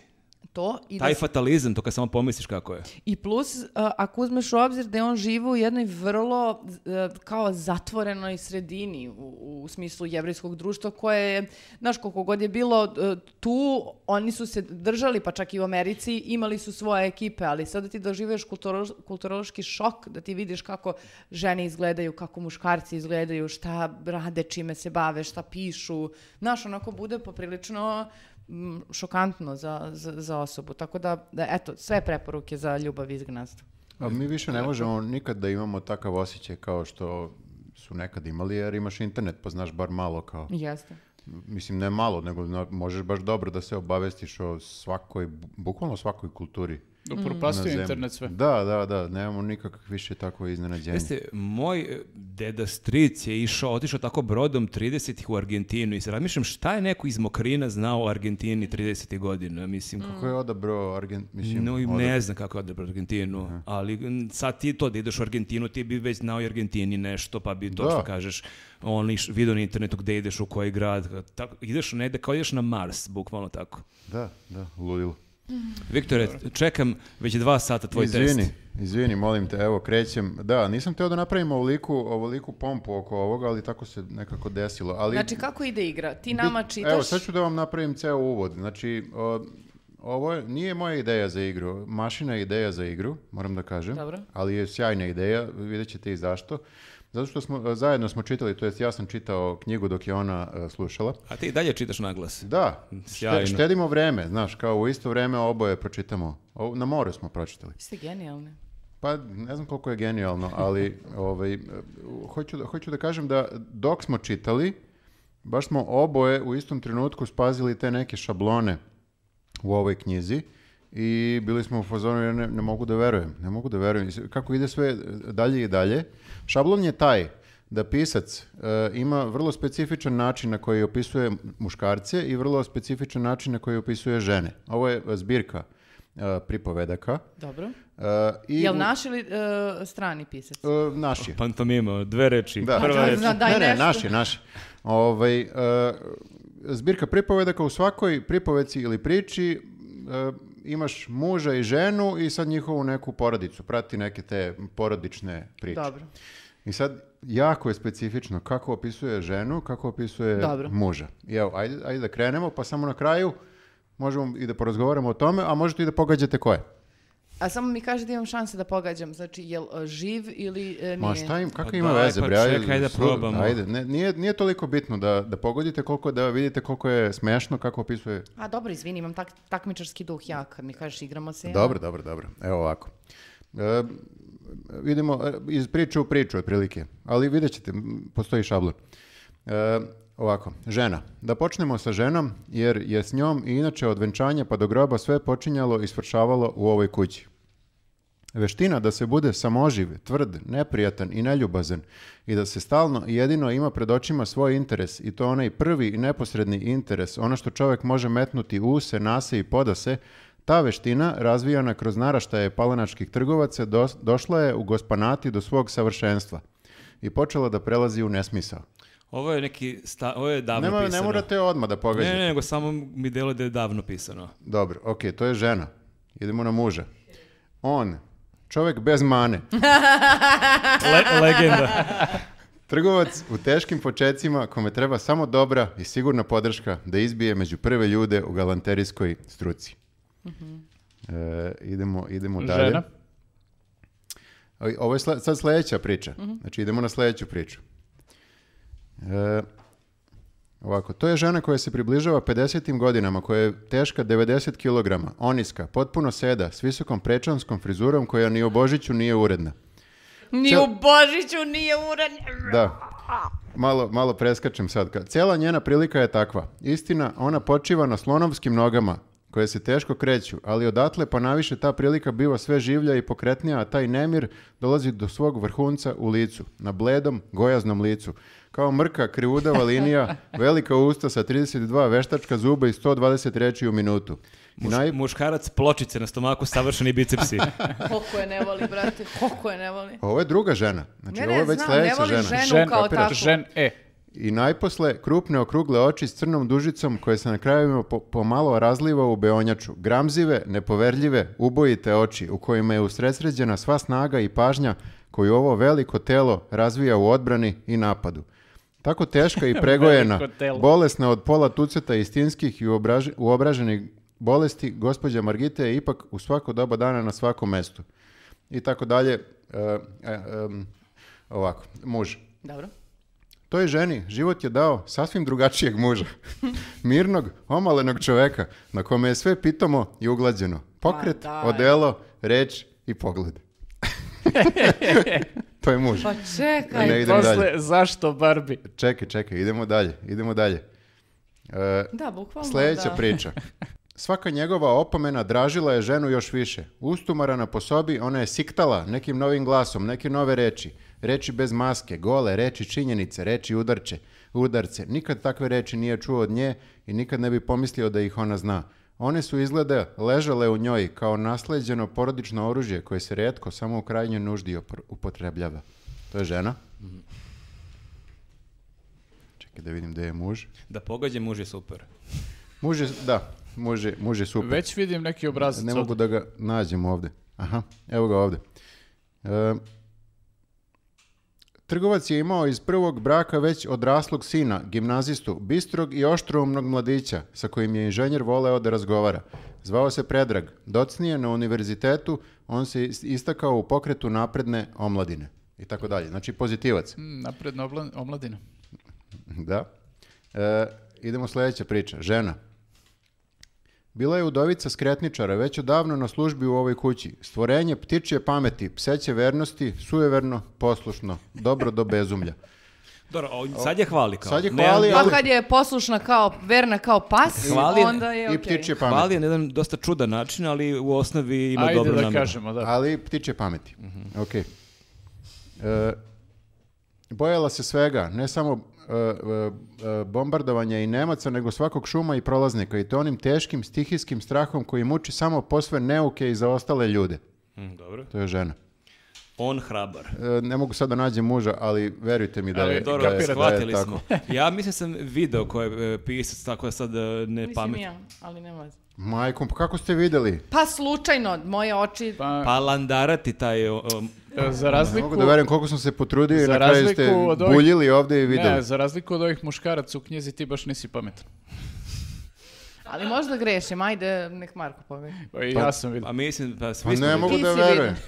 Pa zašto ste zurili svi da vidite? Kako da ne Nisam zurim, brate, zurio, to je brate. priroda čoveka. Ali dobro, ali koja je šansa da bismo pogodili sad? E, pa ja sam razmišljao o tome da ne bih pogodio. Ne bih očekivao od ovog autora. o- Da, o- u- pošto su svi vidjeli, u- Otkri, u, ajde. pitanju je Ivo Andrić, znači Marko Vidojković 20. veka. da. A koja je knjiga u pitanju? E, Zbirka e, pripovedaka, zbirka pripovedaka Beogradske priče. Nije on napravio, Pa ajde izvadi sad da vide ljude korice. barem. evo, evo, vadim. Sigurno je sad zainteresovao naše gledateljke da kupe ovu knjigu. Jeste, da. Ovo je, a, Laguna je spakovala u ove beogradske priče. To su sve priče koje je Andrić pričao, o, pisao za vreme ili neposredno pred e, drugi svjetski rat. E, Kakav divan čovjek. I, I posle drugog svjetskog rata, tako da je, postoji, sad, a- a- ako pričamo o knjizi, postoji taj e, ceo jedan narativ, cela jedna propaganda na stranu, jeli, komunističke e, e, partije i komunističke borbe za vreme d- drugog svjetskog rata. Pa dobro, mora, Ali mora meni se je ovo pere, bilo, verovatno. meni je Da, ovo da. bilo naj, najzanimljivije. Da, da, nisam očekivao malo je fazano beogradske čuprice o bičarkama, brate. Ja sam malo, ja sam malo poslije toga ovaj, čitao, mislim, ne znam mnogo o Andriću, u smislu kao nikad nisam čitao biografiju toliko e, detaljno. I zanimljivo je da i on e, nekako se kasno oženio, u smislu kao da ga je neka žena ne-. U mladosti toliko Ra- razočarala je. razočarala, ajde Pa tako misliš da da, je ovo možda posljedica Da. toga, a? Ali ja sad Da. pokušavam da se setim, dakle, i na Drinić je upravo i Travnička hronika i, Pa ne i verujem da svim. ali jako je malo to, ako se ne varam, malo je to ženskih likova. Ne, Baš malo. Ne verujem A da, da je u su. svim, ne verujem da je u svim. Nije nego su je samo- loše. Ovdje je samo nekako došlo do izražaja što su ih sve spojili na, na, isto, na isto mesto i što su sve bukvalno po šablonu. Da, nekako da su bile ove rađene. priče rasute tako na više nekih mesta i da si ih čitao zasebno možda ne bi provalio. Ono, Pritom tak- svi muževi su na- neki uh, činovnici i on sam je bio neki, jel tako, kao dip- šta? diplomata, činovnik u tom smislu. Da, tako da, ja sam uh, gledao, ne znam ko je to uh, zapisao i jako mi je zanimljivo zapažanje. Baš je bila neka, sad ne znam koga citiram, uglavnom bile priče to prvi svetski rat i drugi svetski rat i kako je simbolično počeo prvi svetski rat pucnjem Gavri- Gavrila Principa, kako je završen samobistvom Hitlera i da je Ivo Andrić možda jedini čovjek na svetu koji je istovremeno upoznao i Gavrila Principa i Hitlera. Aha, I to mi je bilo aha. jako zanimljivo kad sam Da, čuo. da, da, jeste. Jer on je kao diplomata bio u Nemačkoj Da. i ima priliku nekim prijemima da upozna Hitlera, a u mladosti je valjda upoznao mladu Bosnu i ljude koji su Da. činili tu organizaciju, tako da je jedini čovjek koji je s jednim i drugim pričao. Dobro, dobro, da, zanimljivo. Eto, to je, eto, zanimljivost. Inače, same priče ima dobrih, ima manje, manje dobrih. Najzanimljivija je uh, pripovetka Zeko, ona je i najduža u celoj, celoj knjizi. Ima više, više od, skoro, da, više od sto strana, mogla je da bude zasebna i knjiga, ali i ona mi je jako zanimljiva. Mislim, ko je čitao, ovaj, možda će, možda se neće složiti sa mnom. Uh, sve vreme je prilično uzbudljivo. Ti pratiš tog Zeku, nadimak mu je Zeka, tog čoveka koji je isto neki činovnik koji ima zlu ženu, jel?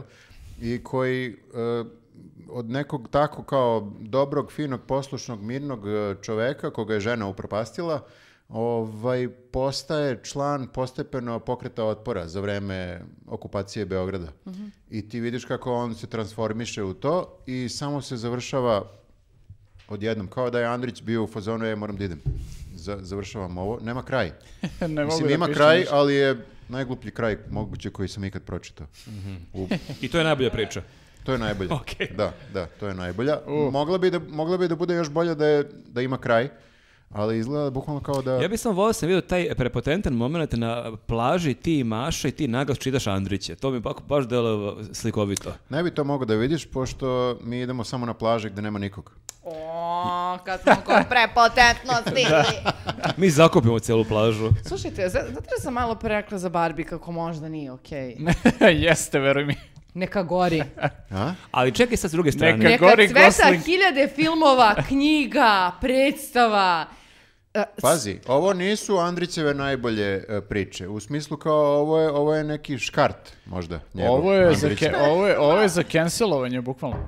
Iznervirala sam se. Ali znaš šta, da, slažem se, ovo zvuči jako loše kako si rekao, ali u njegov odbranu ovo je pisano pre koliko, 70 godina. Kad je sve tako bilo.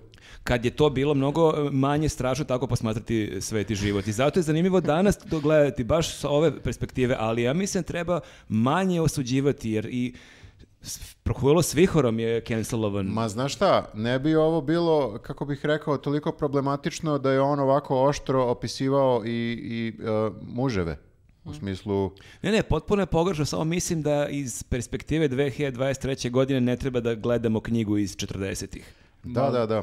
ma Ne, dobro, ali dobro. ja sam ovde sad, e, mislim, po sećanju, e, Maša je isto mi pomogla, izvukli smo ove beleške, kao, znači, ovde ima još, još toga. Toliko da sam se ja u jednom trenutku zapitao kao je, jebote, Mašo, je Landrić bio gej? Ja, da toliko lepo i nekako e, sa nekom... Toplo. toplo opisuje muške likove. Jako mi je bilo simptomatično i jako smešno. U, u to- kad zamisliš da je Andrić koji sedi to, e, i on je sav fin i uglađen i tako to, i onda mašta o tim nekim finim i uglađenim činovnicima i, A žene je najgore, ono... i pati zato što su se oženili s takvim rospijama. I ne može da veruje, kao iz priče u priču, on samo mu takve padaju na pamet. Definitivno. Ne može uopšte da smisli drugačiji ženski lik. 100%. O, da, i Andrić bi danas bio onaj lik ovaj što kaže naša muška prava su ugrožena, nama trebaju sigurne kuće. I što u gorom trutku samo zamoliš kao auto i se, brate, Vo- bit će volim nam svima što smo lakše. počeli popkast s pričom, neće budemo pretenciozni, mi ne razumemo se, mi iznosimo naše mišljenje, ono, psihoprofil Ive Andrića. Ne, ne, baš sam uzeo posle da čitam kao i Nigde ne ne mogu da piše da je. tvrdim, ne mogu da tvrdim, stvarno ne mogu da tvrdim. Ali Ali, smrducka nešto. Sumnjiv, ali sumnjiv. baš mi je ovo nekako vuče na to. Ne znam, šta mislite, recite, recite u komentarima. Ali ispada da onda gejevi mm, mrze žene. Ne, ne, ne, ne. Ne, ne, ne, ne, ne mrze. imaš- Tebe da canceluju. Da. Ne mrze svi. Ali ovi neki kao, toliko vole muškarce da uopšte ne može da gleda ženu više na istim očima. Ne znam. Prospijem. Da, činjenica da je lakše muškarcima da pišu muškarcima, da, ovo je baš da. suviše lako da ti svaki ženski lik bude neka najgora žena na svetu. A kako ti je lakše da muškarcu pišu muškarcima? Zar nije ako govoriš o nivou ono fascinacije, inspiracije, žena je muškarcu bila baš big deal kao figura za ono, tema za pisanje. Jeste, jeste. Pa, da. U smislu ljubavi, O ljubavi, želje, da, ali- strasti, Ali uh, češće muškarci u romanima imaju glavnog lika koji je muškarac, čak često i žene imaju glavnog lika koji je muškarac. Zato je meni ova knjiga bila super, ovo uh, Hajnova, zato što mi je bilo sjajno Da. kako je on uspeo da iz lika žene napiše knjigu. Dobro, da, ima i toga. Pa dobro, viš, meni su sve žene bile glavni likovi. Što U- u ubijaju ovoj muškarce. Da, da, da. Da. se plašiš da će Maja da te rokne? Da se ono pripremaš, gledaš sad ove sve moguće serije da pripremaš Da scenarije. vidim šta, šta može da uradi. Ili Maja ti pušta sve vreme to da bi te pripremila na, kao da se ne iznenadiš. Da, da, čisto da znaš šta te čeka. Joj, preterao Dobro. si sa Sonijem, ja sam ti lepo rekao. A, Jel prelazimo na muziku? Ajde, Možemo. Ali, uh, dobro, ajde, ajde. Ali... Šta ali? Ko će početi? Ajmo, brzinski. Šta, brzinski, ne može brzinski, ja imam jako mnogo muzike. A evo, Jednu pa to je pesmu. dobro. Me, ja imam jako mnogo muzike, meni je najzanimljivija muzika koju sam slušao posljednje vreme naša koleginica Elisaveta koja je na karaokama u Budimpešti pevala Ja. uh, Diamonds in the Sky od Rijane. Pevala je dosta pesama, ruku na srce i ja sam pevao. Ali taj moment gde ona je otišla i rekla tražila sam da pevam Rijanu meni je bio baš super. To ali je... samo zato što To nisam samopouzdanje umela... nam treba. Ne, samo zato što na tom ekrančiću je bila samo Rijana. I ja nisam mogla da se snađem da uh, promenim. Mhm. Da izađem iz tog Rijana foldera i da uđem Rijana u... pakla. U Jeste. Ariana Folter. Tako, između ostalo. Hoću da kažem, e, kad kažeš karaoke, da kažeš si peva na karaokama, to zvuči jako loše. To zvuči baš kao koji si ti luzer, ali jako je zanimljivo koliko... Mi konkre- smo još veći luzeri. To je... Ne, ja hoću sad da, da lobiram da se karaoke kultura malo uvede u Srbiju. Jer kod nas, baš smo to pričali, kod nas su karaoke nekako naglo došle i još, još naglije nestale. Jer je Su došle uopšte. pa bilo je još i krajem 90-ih su počela karaoke početkom dve, kad su bile one emisije Trikadur, pa su sad svi htjeli da pevaju, ali kod nas je to bilo u startu jako te, si bio bačen u vatru. Kod nas je to uglavnom bio koncept ti odeš na binu, sam si s mikrofonom i svi gledaju samo tebe. I ti- pevaš Celine Dion uglavnom. i ti pevaš nešto, šta god da pevaš, neki Tomas Zdravković, ali nekako u startu je baš velika hrabrost bila potrebna i baš se blamiraš. Nije bila žurka. Nije bila žurka i u Budimpešti sam ja još prošle godine sa svoje dva prijatelja otkrio u onom pasažu koji je Sodoma i Gomora zaista, ne znam ni kako se zove taj pasaž, ali stvarno onako baš bukvalno Sodoma i Gomora, da tu ima dva, tri karaoke bara, ali da je tu drugačiji koncept, da nekako sve mnogo poštenije. Prvo, svi su tamo turisti, svi su pijani, ali nemaš taj moment bine. I nego imaš ovde konkretno dva mikrofona i na svakom mikrofonu je po jedan, dvoje, troje ljudi, a u sve to imaš i neku devojku koja tu radi, koja lepo peva, koja ako vidi da niko ne peva, da jako loše peva i ona uleći i peva. Tako da u startu se to nekako horski peva i ti priđeš mikrofonu pa se onda malo više A čuješ. i mikrofon je stišan, tako da baš A i moraš... ako ti stojiš iza mikrofona sa dvoje prijatelje, vi pevate, to deluje onako navijački, pa skroz i daje to neki ambijent. Tako da je zapravo to jako zabavan koncept. I jako je jako teško ovako sada treznim ljudima opisati to. Ti apeluješ da nas neko pozove na karaoke. Ne da, da pozove nas, nego da, Nego da u postanemo zemlja karaoke. Ali opuštenih karaoke, ne pretencijni, ja ću sad da vama pevam i Pa da me nije ni slušate. poenta u tome. Nego karaoke, tipa odijemo dva mikrofona i tu smo svi, svi pevamo i svima nam je mnogo lepo. Dvojica, Stvarno tako smo se Tako i treba mnogo- da budu karaoke, mislim, ne treba da budu uštogljene pa da bude takmičenje u pevanju. Jeste. Ovo je stvarno Pa nije bilo ni poenta veče da pevaš, je Da, da, da, da. pevaš, da se zajebavaš, a ne da si ti kao Mm. Freddie Mercury. Tako je. A, ja sam doživjela i fras kada sam videla svoju sestru da repuje bez ono pardona uh, uh, Notorious B.I.G.-a. Uh, riba je samo stala za mikrofon i krenula, a Marko, A ona zna da repuje, to je a tačno. Markov drug Dule, koji Dule? sto- stoji iza Milane i ovako. A ja sam bila u šoku kao to je moja rođena sestra. Znam ja da ona kida ono reči i sve to, ali Mhm. baš ovoliko, baš sam bila u šoku. Po- možda malo i više nego Marko dok sam ja pevala Diamonds. Da, dobro. ali u svakom slučaju, da, htio sam da skrenem pažnju da je to nešto, uh, kad će Beograd biti svetska metropola? Kad budemo imali mnogo karaoke barova. Dobro, Ja se slažem s tobom. e, burgeri su zaživjeli, sledeće karaoke barovi. Uh, A, nije ova miso ramen supa još uvek e, dovoljno zaživjela i karaoke barovi. Da, da, to, to su dve treba. stvari koje nam fale. A, Pričajte vi nešto, imam ja još neke baš prave muzike koja je bila čisto mala digresija jer je bilo beskreno zabavno. I ja sam pevao inače Oasis, moram da kažem, e, ponovo i pokidao sam. Wonderwall. Čak mi jedna pijena engleskinja prišla i rekla mi je ti, Ovo je bolje ti od savršeno Noela. pevaš Oasis. Ali bila je, mislim, baš dosta pijena. Mislim da nije to skroz merodavno. Šta si još peva, pohvali se.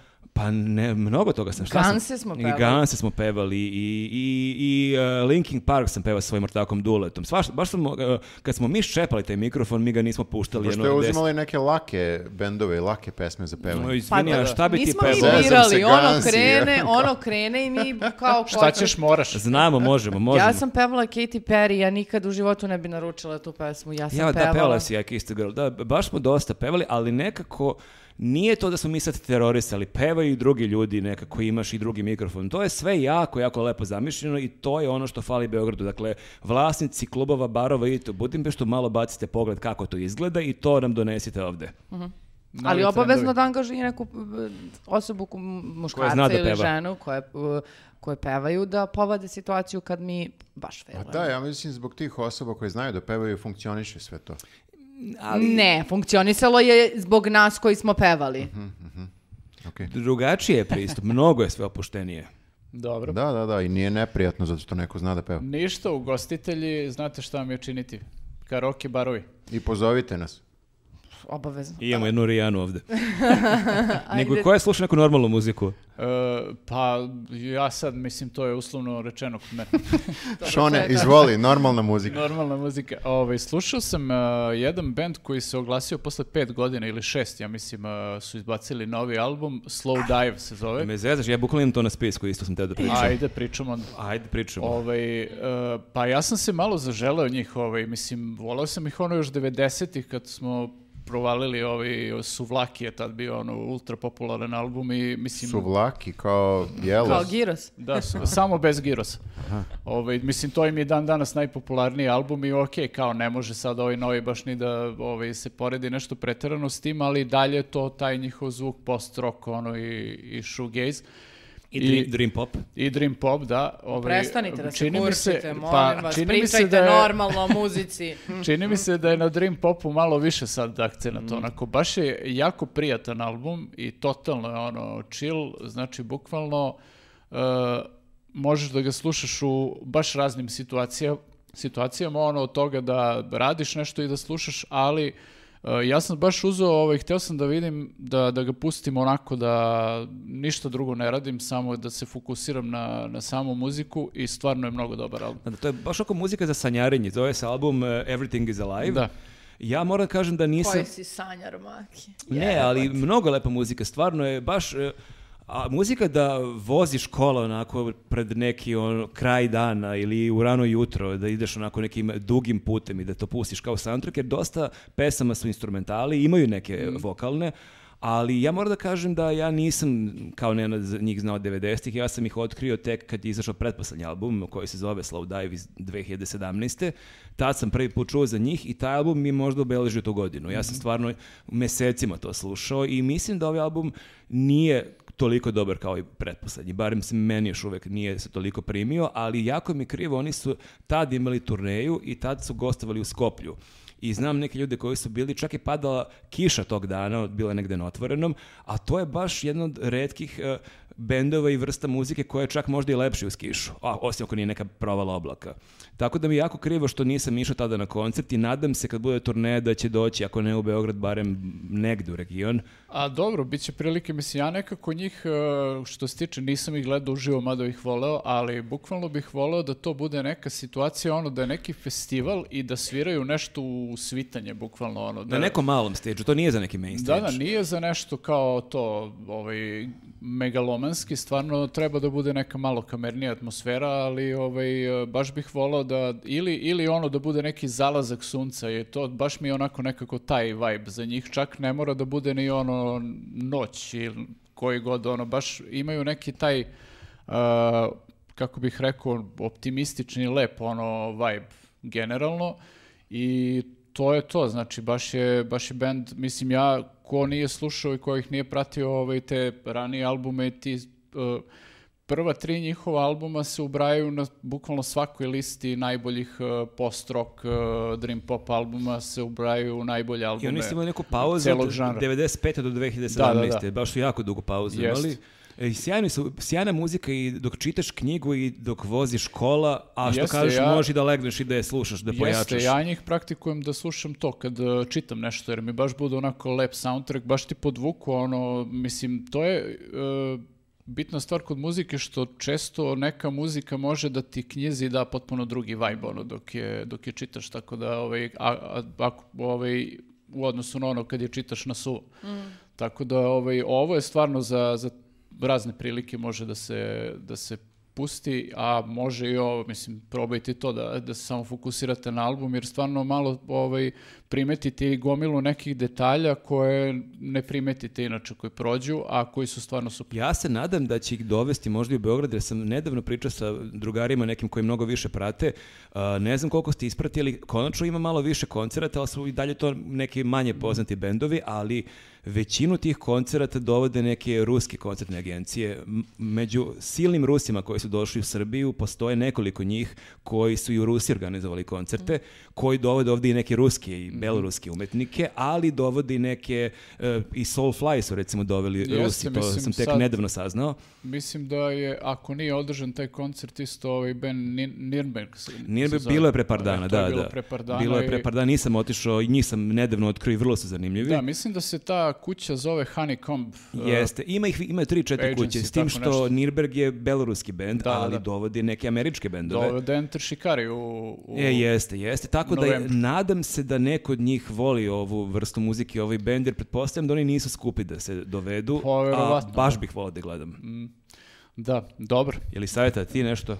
A, ja nemam muziku, ja imam da preporučim predstavu. Pa Aj, to ćemo kasnije, završimo sad muziku. Aha, dobro, izvinjam. A ja sam mislio da imaš jednu pesmu da preporučiš. Ovaj, e, ja, evo mogu ja da pomenem još jednu stvar koju imam, to je druga stvar koju sam pripremio. Ovaj, e, to je e, lik kojeg nisam, nisam mu dao šansu ono otprilike kad se pojavio i ovaj, sad posljednje vreme sam se vratio i preslušao sve, ovaj, dva albuma ima ovaj, koje je objavio i baš sam onako prijatno iznenađen. E, u pitanju je sin e, Edija Van Halena, Wolfgang se zove dečko. On je, ono, kako bih rekao, wunderkind što se tiče umetnosti, mislim muzike konkretno. Svira bukvalno ono gomilu instrumenata i on je ka, ovaj, od 2006. tad je, ja mislim, imao tipa 15 godina, on je tad uh, počeo da svira bas u Van Halenu i svirao je ono nekih, ne znam, desetak, možda i više godina. Radio ovaj, u porodičnoj film. da, da, firmi. bio u porodičnoj firmi. I onda se desilo jel da je ovaj Ćale umro ovaj pre nekoliko godina i on se fokusirao na taj neki njegov solo projekat eh, koji se zove Mamut uh, Wolfgang Van- Van Halen, samo ima te inicijale na kraju. Uglavnom ja ga zovem Mamut. Ovaj jednostavnije mi tako. Za prijatelje Mamut. Da, za prijatelje Mamut. Izbacio je dva albuma do sad i sad ove godine u aprilu je izbacio drugi album i ono, bukvalno mi je promakao ovaj, ispod radara jer toliko muzike izlazi, a na njega nisam u startu nešto obratio pretjeranu pažnju. Uh, stvarno je uh, album ono rock kakav kao danas ne možeš baš često da Je čuješ. liči na Van Halen?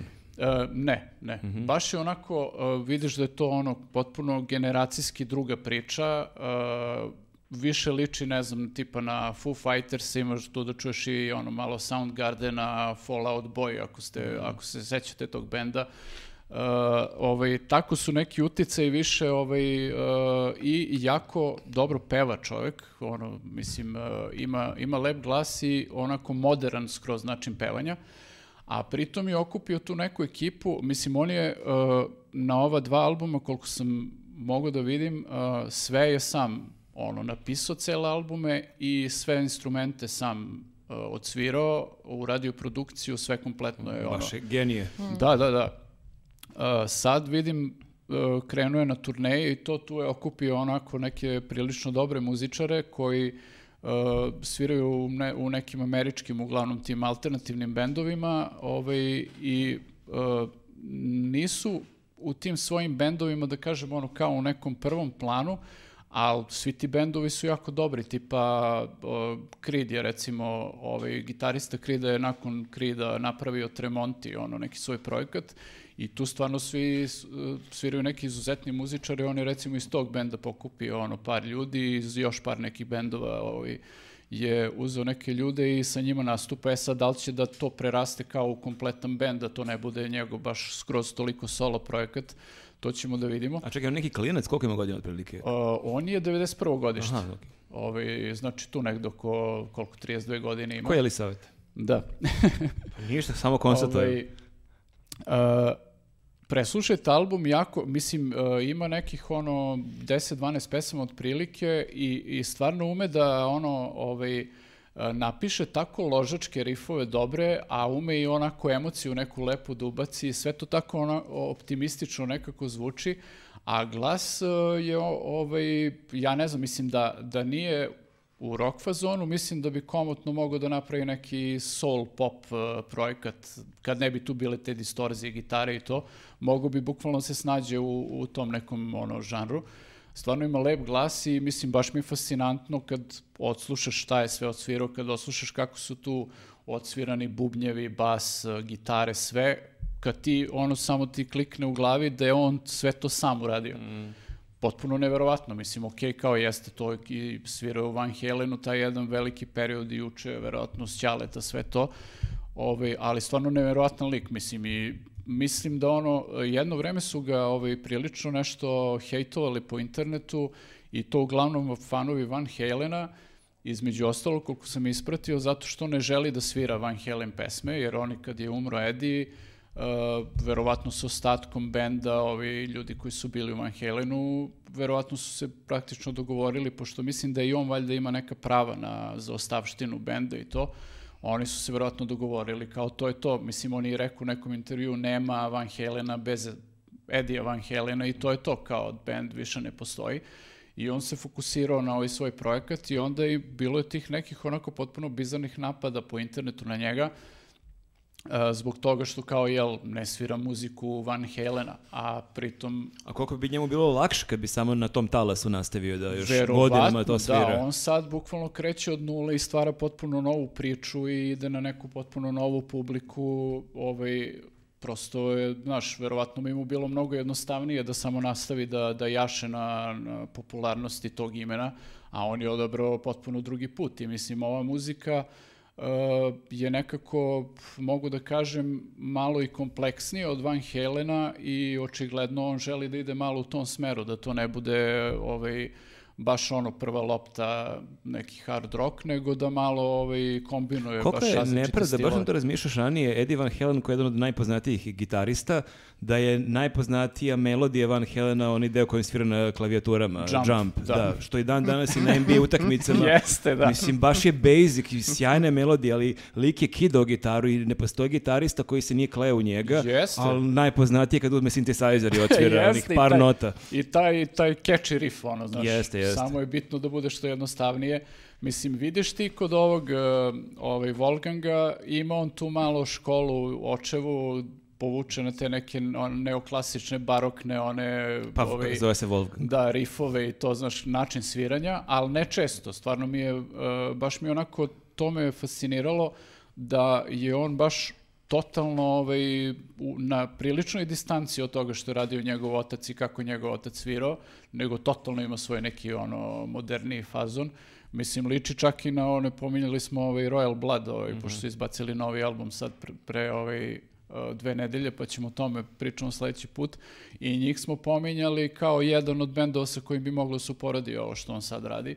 Tako da stvarno ovaj, preslušajte, ima dva albuma do sad, stvarno ovaj, oba albuma su super, ovaj drugi mi je posebno dobar zato što ovaj, malo je više ubacio tih i onako laganijih pesama gde onako sve puca od emocije, ali opet ono sve vreme imaš, kad su balade, to su neke power balade, imaš ono i tu energije, nije ono kao da je neka skroz ono ovaj, baladica, nego ovaj, vidiš da, da znaš, kao se loži na to prosto da, da svira, da ima solaže, da, da luduje.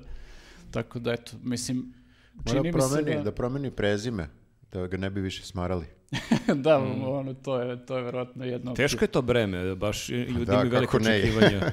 A, mislim da, da je lakše. da. Mislim, Ja sam se, nekako mislim da sam možda i zbog toga njega zaobilazio, zato što kao često imaš obrnutu situaciju, da imaš e, roditelje, muzičare ili neke umetnike koji guraju na silu decu u tu priču. A priča o ju grupi. E,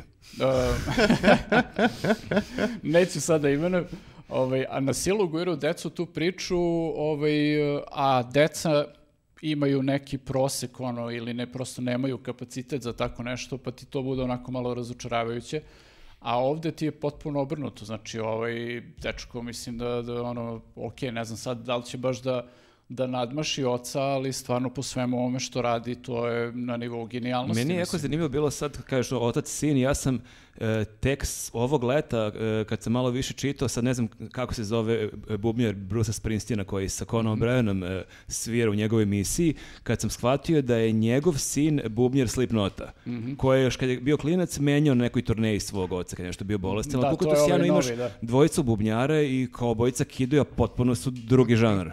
Jeste, pa dobro, da, ali to je ovaj, verovatno, mislim da se on zove Jane Weinberg, čini mi se, ili tako nešto. Moguće, Taj moguće. sin je odmah pobegao u drugu, drugu potpuno, I drugi žanr. stavio masku. Ali dobro, pazi, mislim, stvarno da bi svirao Slipknotu moraš baš da budeš zver, ono, ovaj... A i da bi menjao ćaleta sa Bruceom I- Springsteenom sa 18 godina To- isto baš to moraš da tek, da, kidaš. da, Da, da. Tako da baš očigl- očigledno je talentovan dečko. Pa sigurno ima nešto da... Jesi ti, Viktor, slušao nešto zanimljivo? E, jesam. E, slušao sam novog, mislim novog, uslovno rečeno novog e, Smoke Mardeljana. Pre 3-4 meseca je izašao album. Ima 22 pesme, znači I sunce ti. da, da, baš je, baš je ovaj produktivan. Napunio disk. Da, napun- nema više ograničenja, znaš kao. Može, 50 pesama, što da ne. Može, što da ne, da. I e, dva- 22 pesme i fascinantno je kako se Smoke i dalje drži svog stava, znači nema i dalje ovog sad lakog puta u repu. Pravi Da. rep, samo pravi rep. Samo pravi rep, ali baš pravi, pravi rep. Znači nema ono, ne znam ni ja sada kao, e, da se ložiš na to kao koji sat nosiš, koja kola voziš, e, e, sve ribe su drolje i tako, mislim, znaš, kao taj neki Andrić novi, Andrić, da, neki Andrić fazon. Nego se drži onoga kao ulica, moraš sve Bez, kom- sam. bez kompromisa, na. Be- da, da, da. ja se da. divim njemu kako njemu glas ne pukne. Nije lako onim glasom onako No, ima- tako možda repovati. čovjek jednostavno Može. ima takav glas. Tako priča, da. Ne znam, ja bi nakon druge pesme već morao da ne znam šta da pijem neki Pa čaj. on, on jeste, mislim, njegov glas prilično ovaj, takav, ono, bar koliko se sećam iz ovih, mislim da je on ovaj, govorio za ove neke telen reklame u jednom periodu. Jeste, prepoznatljiv je jeste, totalno. baš to je to, kao možda on malo napne ono, ovaj, mimo toga, ali to je to. I vrlo je ozbiljno i dalje u celoj priči u smislu kao da mu je muzika onako vidiš da je na prvom mestu pa, pa sve ostalo. I e, nekoliko pesama su na engleskom i A, sara- stvarno? sarađuje s nekim reperima koji su nisu s našeg jeli, govornog područja, nego su neki, ne znam da su Ameri ili, ili šta su, nisam istraživao, ali sve to zvuči vrlo onako dobro i sve je onako old school, mislim, sad je sve old school u odnosu na ova nova. Ali on deluje sranja. autentično, ti dok njega, kod mnogih repera ti vidiš da su naloženi da bilduju neku priču koja nije realna, nekako on deluje vrlo verodostojno kad ga vidiš, tako, to je on, veruješ mu u ono što priča. Pa da, ja sam išla, izvini, još se prekinem, ja sam išla i na njegov koncert na Arsenal Festu i baš nekako sam, što kaže Bako, baš sam uverovala. Znaš kao, to nije my cup of tea, nema frke, ne, ne ložim se ja sad nešto preterano na tu vrstu muzike, ali brate, ovo kad sam videla, baš sam bila kao, "Ma, tako je bre, ono... Idemo ovo će u kriminal. Da, da, kao... Ali nije to ovaj kriminal, znaš, kao ne znam nije kakav. To je mali Pravi neki, kriminal. pravi ulični Pa kriminal to. sa nekim poštovanjem kad se znalo ko su kriminalci. Ma nekad su bili gospoda, ti ja kažem, Viktor. Da, tako Nekad da se znalo, ono, imali su neki kod, ono, i, i to je nekako stvarno respekt. On i dalje fura tu priču i vidiš da neće, neće stati i to uspeva. Znači, koliko vidim na YouTube-u ima solidan broj Ne, pregleda. uopšte više ne mogu da pohvatam te repere starije, nove, koliko su oni poznati, koliko neki za koje ja znam su realno i dalje face, a koliko su neki, postoje neki, drugim rečima, Smoki Mardaljano, ili ga slušaju klinci. Pa ne znam, ja mislim, Bili su klinci na mislim da ga slušaju, mislim da ga slušaju. A, mislim da je sad ti kad gledaš ove milione pregleda koje imaju ovi ono Ferrari, Lamborghini i tako te Kavali. gluposti, kavali, da, da to nije, kako bih rekao, nije re- taj rep nema neku vrednost. Vrednost. Pa ne, ne, ne, nema neku težinu, kao neće ostati tu. Da. Jer Ma kao, da, to je, to je samo kao ono ulaznica za ove prave stvari. A, sad smo mi matorci koji pričaju repu, mislim, da, da li bi se klinci složili? To je Ali- kao kad ovaj, izvini, čuješ ono Linkin Park pa dođeš do pravog metala. Ma ne, ne, ne, ne, pričamo o temama. o Bože. Do pravog metala tipa Van Helena. Pričamo Da. o temama, jer kao ne može da ti bude ništa što je materijalno, ne može da ostane tu toliko dugo. Znaš, kao u istoriji, ne, neće ostati ta pesma kao u istoriji zabeležena da je se setiš posle i kad odrastiš. Možda slušaš kad si klinac, ali nećeš joj se vratiti nikad Jako je više. teško da ti u trenutku da neka pesma izađe da zamisliš za 20 godina da li će ta pesma biti živa. Pa za ovo mogu da tvrdim stvarno kao, znaš, kao ako pevaš o kolima i o satovima, koga zabole za, za 10 Pa godina, to je znaš? malo zeznuto, znaš, jer e, određene marka ono, garderobe je danas popularna, za 10 godina verovatno niko neće da se seća. Ono, Ma da, A i nebit, ne samo nebitno to, je, nego nebitno je. uh, nekako deluje kao onaj... Um, Znate onaj randomizer koji postoji, sad ubaciš i onda ti on samo... Ključne reči, samo Tako i to je. to. E sad ti suštinski samo tome ne veruješ. Ja kao sad ovog Mardeljana koji sam više gledam, ja to slušam, u fazonu sam da, ja ovo mo- kapiram, verujem mu, kao i pozorišna predstava Da. lik koji ti glumi nekog, glumac koji ti glumi nekog lika, ili mu veruješ ili mu ne veruješ. Ja ove druge što imaju po 56 miliona na, na YouTube-u, ja kako čujem te neke ključne reči sam u fazonu, matori, ali ja samo tebi ne verujem. Pa dobro, Nije da. mi... A i, a i nekako je, znaš, I kao ti ne svi možeš baš... pokreti i to kao... Ne Ali mi možeš baš tak- mnogo da se uneseš u to, u marke, u garderobe Mislim i da je tako problem to. što naša generacija, pa i tvoja generacija, da mi negde percipiramo rep kao neki bunt. A sada dosta repa ima da nije bunt, nego je to, hvalim se, to, imam para, ribe, kola i ostalo se Pa pareji. okej, malo da se pohvališ, ali ne može to da ti bude non, non stop se hvalim samo i kao... Nekulturno je. I čim, pa nekulturno je. Ma ne samo to, Ne, nego bre, sam samo je dosadno, Pa ne, znaš. a, ne samo da je dosadno, nego sam u fazonu, čekajte ljudi, da li je to jedina tema koja vas kao autore ne- ne- neke muzike preokupira? Da. Kako je, kako, ka- kako je to moguće? Jebemo Miša Malenović. Znači, ne, nemoguće je da sve njih samo to interesuje. A dobro, mislim, i oni su to iskopirali od ovih sa, sa zapada, mislim, Trap je krenuo ono sa zapada i ti imaš te neke naj, ono, prominentnije likove u, na toj sceni koji su isto u tom fazonu, samo to, brendovi, kola, marke i to. Ali iza njih isto ništa neće ostati. Pa, Znaš, okej, bitno je što verovatno, ostaje iza tebe u istoriji. Jeste, tačno, to je Tako tačno. da ovo je, već vidiš da je on instant, potrošno i tako to. Sad bilo, sutra ga nema. Mhm. A mislim, nije ni njih ni briga kao, on njih je briga da uzmu pare, okej, je, poštujem da. to. Sistem Ali- vrednosti je otišao. Ma ne, ne, pri, uopšte neću da odem tamo. A, u, u tom smeru. Pazi, i kod Smokija ti imaš isto generator, znači ne, i tu ti je ograničen broj tema. Samo pričam da je izbor tema nekako, kako bih rekao, ne, nepretenciozan. Ja moram da kažem da e, se ne slažem s tobom skroz za to što si rekla.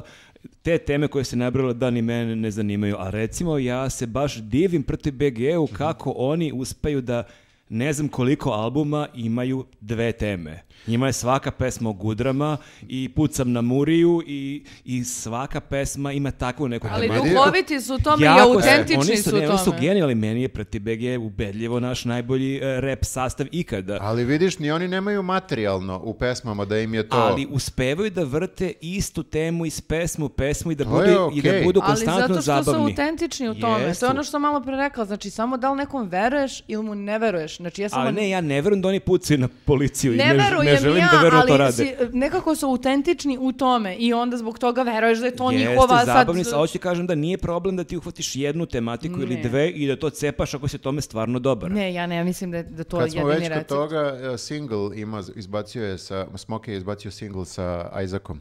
Sa Mhm. Isom, po, poslušaj, svidjet će ti se i jako, jako je dobra pesma. Ono, To nije na albumu ovdje, Mhm. ja mislim da nije, nisam, nisam ovaj vidio. Da, ja sam shvatio što sam stariji, sve manje volim repere koji pametuju, sve više volim repere koji se zajebavaju. Ne, zajebavanje je isto okej. Kod, kod Smokija nema toliko zajebavanja koliko to kao ulica, prava priča i te, ta, ta vrsta tema, ali opet mnogo nekako, kako bih rekao, uh, istinskije, realnije nego sad ovo koje je danas tu, sutra ga više nema. Dobro. Le- lepo Kako? si to rekao. Da, da, okej. Eto. Hoćeš ti pričati o toj predstavi?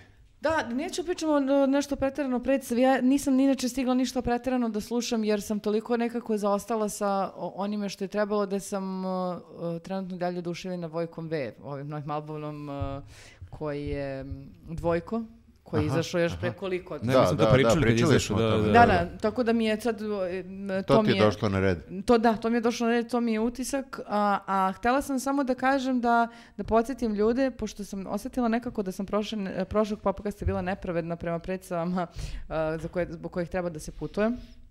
I mm, žela sam da ispravim to jer se ne slažem sa time, treba otići da se gleda nešto. Tartif će biti u SNP u početkom oktobra. To je a, jedna od uh, posljednjih predstava Igora Vukatorbice i igra Hana Selimović uh, koja nam je bila gošća a, pre par pop- popkasta. Jel se je- jedno već igrali više? Pa, ja znam za, mislim, pet, jel piše tu na rozem papiriću, te koja je toga tu? Mislim, je, hoćemo moći da, da nabavimo karte. A, pa, bremo. 5. Peti oktober. oktobar. Jeste, 5. oktobra. Igra se predstava stvarno je jako dobra a, i preporučila bi svima koji mogu da, da odu da pogledaju. Apelujemo da nam ostave neke karte. Da kupimo. Ja sam gledala tu. Aha, dobro. Da. U, izvini. E, to je dobra informacija, a će oni to igraju tamo povremeno? Ona je na repertoaru samo ne znam koliko često, uh, tako da treba uhvatiti kad god uh, čuješ, a evo sad sam vam najavila, znači sad je 15. septembar, 5. oktobra, Tartif uh, u, u SNP. I ostali smo dužni, najavili smo u podcastu da ćemo reći barem par reči o Billu Burru, koga smo gledali u Budimpešti. Kako ti je bilo? Meni Da, je bilo čarobno. Da, da, da, to je dobro si se setio. Ja sam zaboravio da vas podsjetim, da kažete nešto o tome. Da, meni je zaista bilo egzotično. Zato posebno te deo gde on kao se zajebava na to temu žena, muško-ženskih odnosa i tako to što je bilo pozorno. O, sme da se priča i dalje. Čekaj, kao- on je i dalje, mis- Pa ne jeste. i dalje, on je, on je i ranije i malo kao pokuša, o, mislim, o- Jeste, ali... odlika svih velikih dobrih komičara je da baš pokušavaju da malo gaze te, sad da li sme o ovome da se... Jeste, samo nekako sada usled svega drugog što gledaš, što je vrlo izblazirano i kao šest opravdanja i uglova da ti objasni zašto je samo to rekao, to je šala. Ovo je bilo onako baš dobro, meni je Da, prijelo. pogotovo je bilo zanimljivo zato što je imao jedan deo na početku. Prvo je malo pričao o Budimpešti, to je isto uh, sjajan deo i pretpostavljam da u svakom gradu ima neki deo koji se odnosi na taj grad. Onda je upao jedan deo koji je bio u početku jako zabavan, da je pričao o Americi i o razlikama Amerika, Evropa, redneci, Ku Klux Klan, rasisti. I to kreće i dosta zabavno, ali po mom ukusu je to trajalo, po mom mišljenju trajalo je malo dugo, Mm. jer u nekom momentu shvatiš pa dobro, ja nisam iz Amerike, mene to toliko ne Da, pogađa. verovatno, mož, ne, verovatno ni ne pohvataš sve. Ili Pa možeš i da pohvataš pohvataš. te malo i ne zanima sad njihovi ti neki redneci šta oni misle i onda on njih jako zabavno imitira i karikira i banalizuje, to je sve super.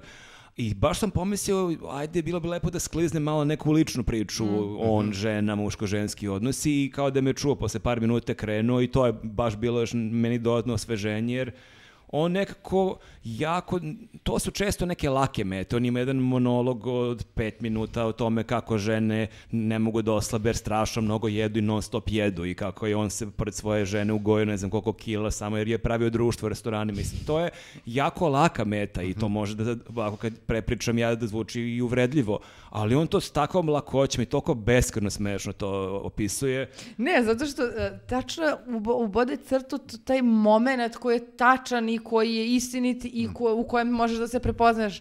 Pa ćemo možda da podelimo jedan... Da pogledamo, ajde Ne, ne, da kao, hoćemo, pogledamo. hoćemo desert, neću, nećeš desert. Ajde samo da pogledamo, ajde da pogledamo samo šta ima. Ili kao sedimo na vinu i kao, should we get an appetizer? Small one? To share? Ne, sjajan i on ima toliko perfektno i tu svoju mimiku i taj svoj glas kad tako menja boju glasa i brzinu kojom priča. A, meni je bio stvarno doživlje da ga gledam. E sad, e, nismo bili u prvim redovima i onda shvatio sam e, E, zapravo... Izvini, to sam teo da vas pitam. Ta uh, hala ili sala u stvari u kojoj ste bili, koliko ljudi... Pa preko 2000, mislim, Aha. u mene je podsjetilo po gabaritu na neki, recimo, dom sindikata, ili sad je to MTS dvorana, s tim što, onako, kao kad bi dom sindikata skratio, a raširio. Da. Nekako ima manje dubina, ali Dobro, ide onako dobro, ali levo to desno. samo količina ljudi sam... Bilo je preko otprilike. 2000, čini mi Marko se. se Dobro, dobro. malo da, da, tu, za, da li čuje, vidi, ja sam uh, upoređivala sa tom, se- tom Segurom, koji sam, kojeg sam gledala s balkona. A i koliko je tu bilo ljudi? To je... Dosta isto, ali, Aha. brate, mnogo mi je bilo teže. A ovde, M je bilo bolje ozvučenje, M se ovaj dernja dok Da, priča. njegov glas je takav. A, i razumela sam ga, ja mislim, ono, 90, ne znam koliko posto... da ja sam tu imao problem, to sam baš tebi pričao, ja sam se malo razmazio preko Netflixa što kad gledam stand-up imam titl na engleskom, ali nekad kad nešto ne čujem najbolje, ili kad ne razumem tu reč u trenutku, uz titl mi bude malo ja, jasniji kontekst. Ovde toga nema i onda sam shvatio da mi malo to nedostaje, ali svakako je predivan osjećaj biti u isti prostoriji s takvom nekom legendom, stvarno divno, divno veče. I ono što je meni bilo potpuno neverovatno, to nisam nikad pre doživeo, ti kad ulaziš tamo, tebi na ulazu uzmu mobilni i ubace ga u neku vrećicu, Vrećicu, koja da. ima neku tipa šifru kao na zujelica, Magnet. ne, kao neki magnet. Oni ti napišu, pogledaju ako imaš online kartu, oni ti pogledaju, napišu na papiriću red i sedište da bi ti ume da nađeš, ali ti to imaš sa sobom mobilni, ali ne možeš da ga otvoriš, tako da ne možeš ništa da snimiš. Čak ni na kraju što je malo bez veze, barem na kraju kad je aplauz bi bilo lepo da možeš da okineš jednu sliku za uspomenu i tek na izlazu oni tebi to otključaju i daju ti mobilni.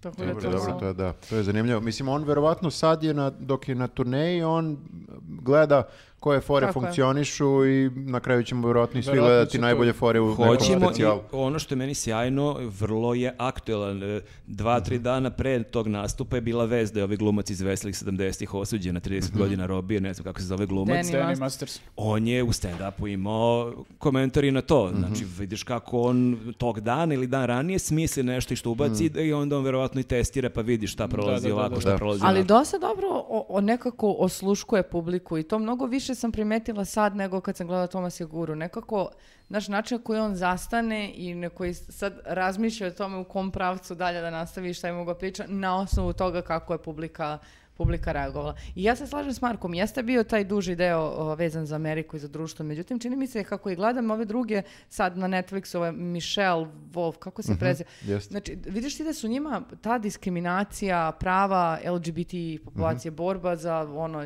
rasnu jednakost u tom smislu.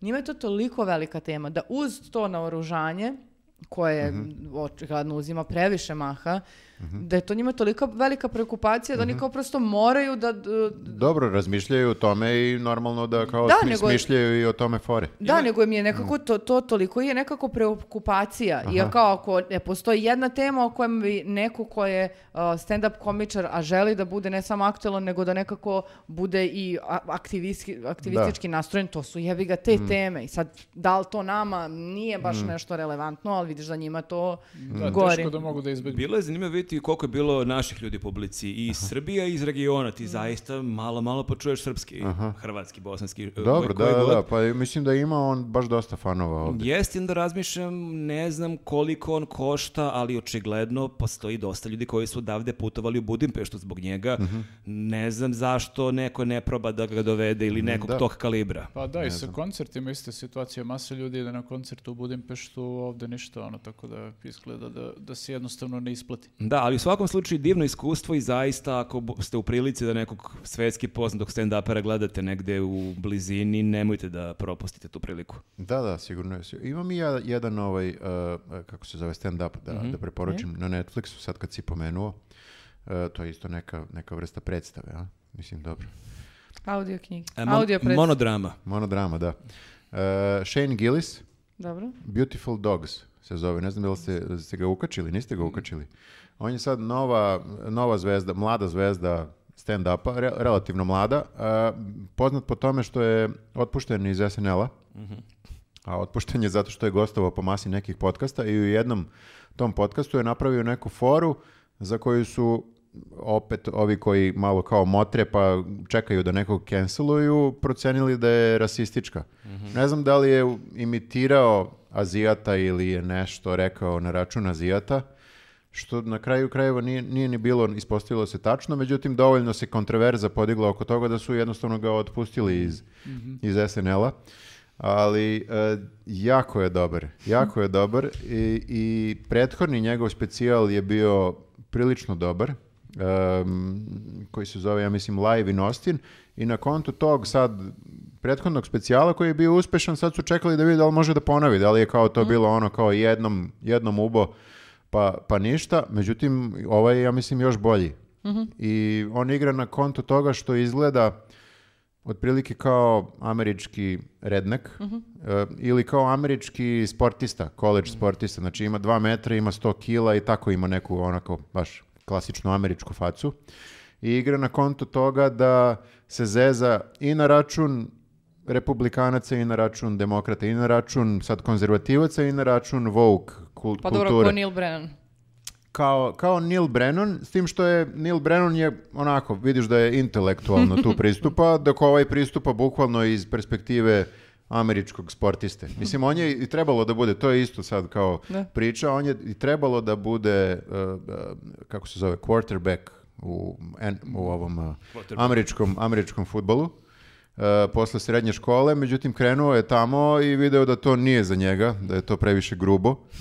On je nežna nasilno. dušica. Onda, je, onda su ga dali u vojsku. Onda je, ovaj, ima, potiče iz neke klasične američke konzervativne porodice, koliko sam shvatio. Poslali su ga u vojsku, onda je vidio u vojsci da nije to za njega i onda se vratio. Tako da je baš onako kao, po izgledu ga šalju tamo gde njemu ne odgovara. Kao ti izgledaš ovako, ideš da budeš Da, ali nešto drugo je unutra. Kao Unutra je nešto ono, drugo, i igra, i vrlo igra na konto toga kao što i- ja izgledam ovako, a unutra sam nešto malo drugačiji. Tako da to jako je smešno. Pogledajte i isto to gazi na sve te teme, osetljive teme, vrlo uspešno poku- uspe da pridobije publiku da se smeje na neke stvari, da pohvali Al-Qaidu. Mislim, i da se publika umre od smeha. Tako da, ovaj, eto, pogledajte, e, jako je dobro. Cool. Super, jel to to za ovaj put? Smo, Da, možemo da završimo za sad. smo mi oporobili rekorde. Ma uvek to pitamo i ne znam, mislim da nismo. koliko trajamo? Nije, o, za- zaspala je ovde već kad smo krenuli Ne pričamo o znam knjigama. za sebe, bukvalno I pala. sam... Hvala vam ako ste stigli do kraja, ja sam... Ma nema nikoga ovdje, otišli su svi kući. Sami smo, Da. sami smo. Sami smo. Sami smo u ovome, Ali ako je neko ostao, uplatite Patreon. Da, da, i hvala vam. Ma nemojte vi koji ste ostali, nemojte ni uplaćati, dovoljno je što ste čast. nas slušali. Svaka čast. ništa, vidimo se za dve nedelje. Ćao. Ćao. Ćao.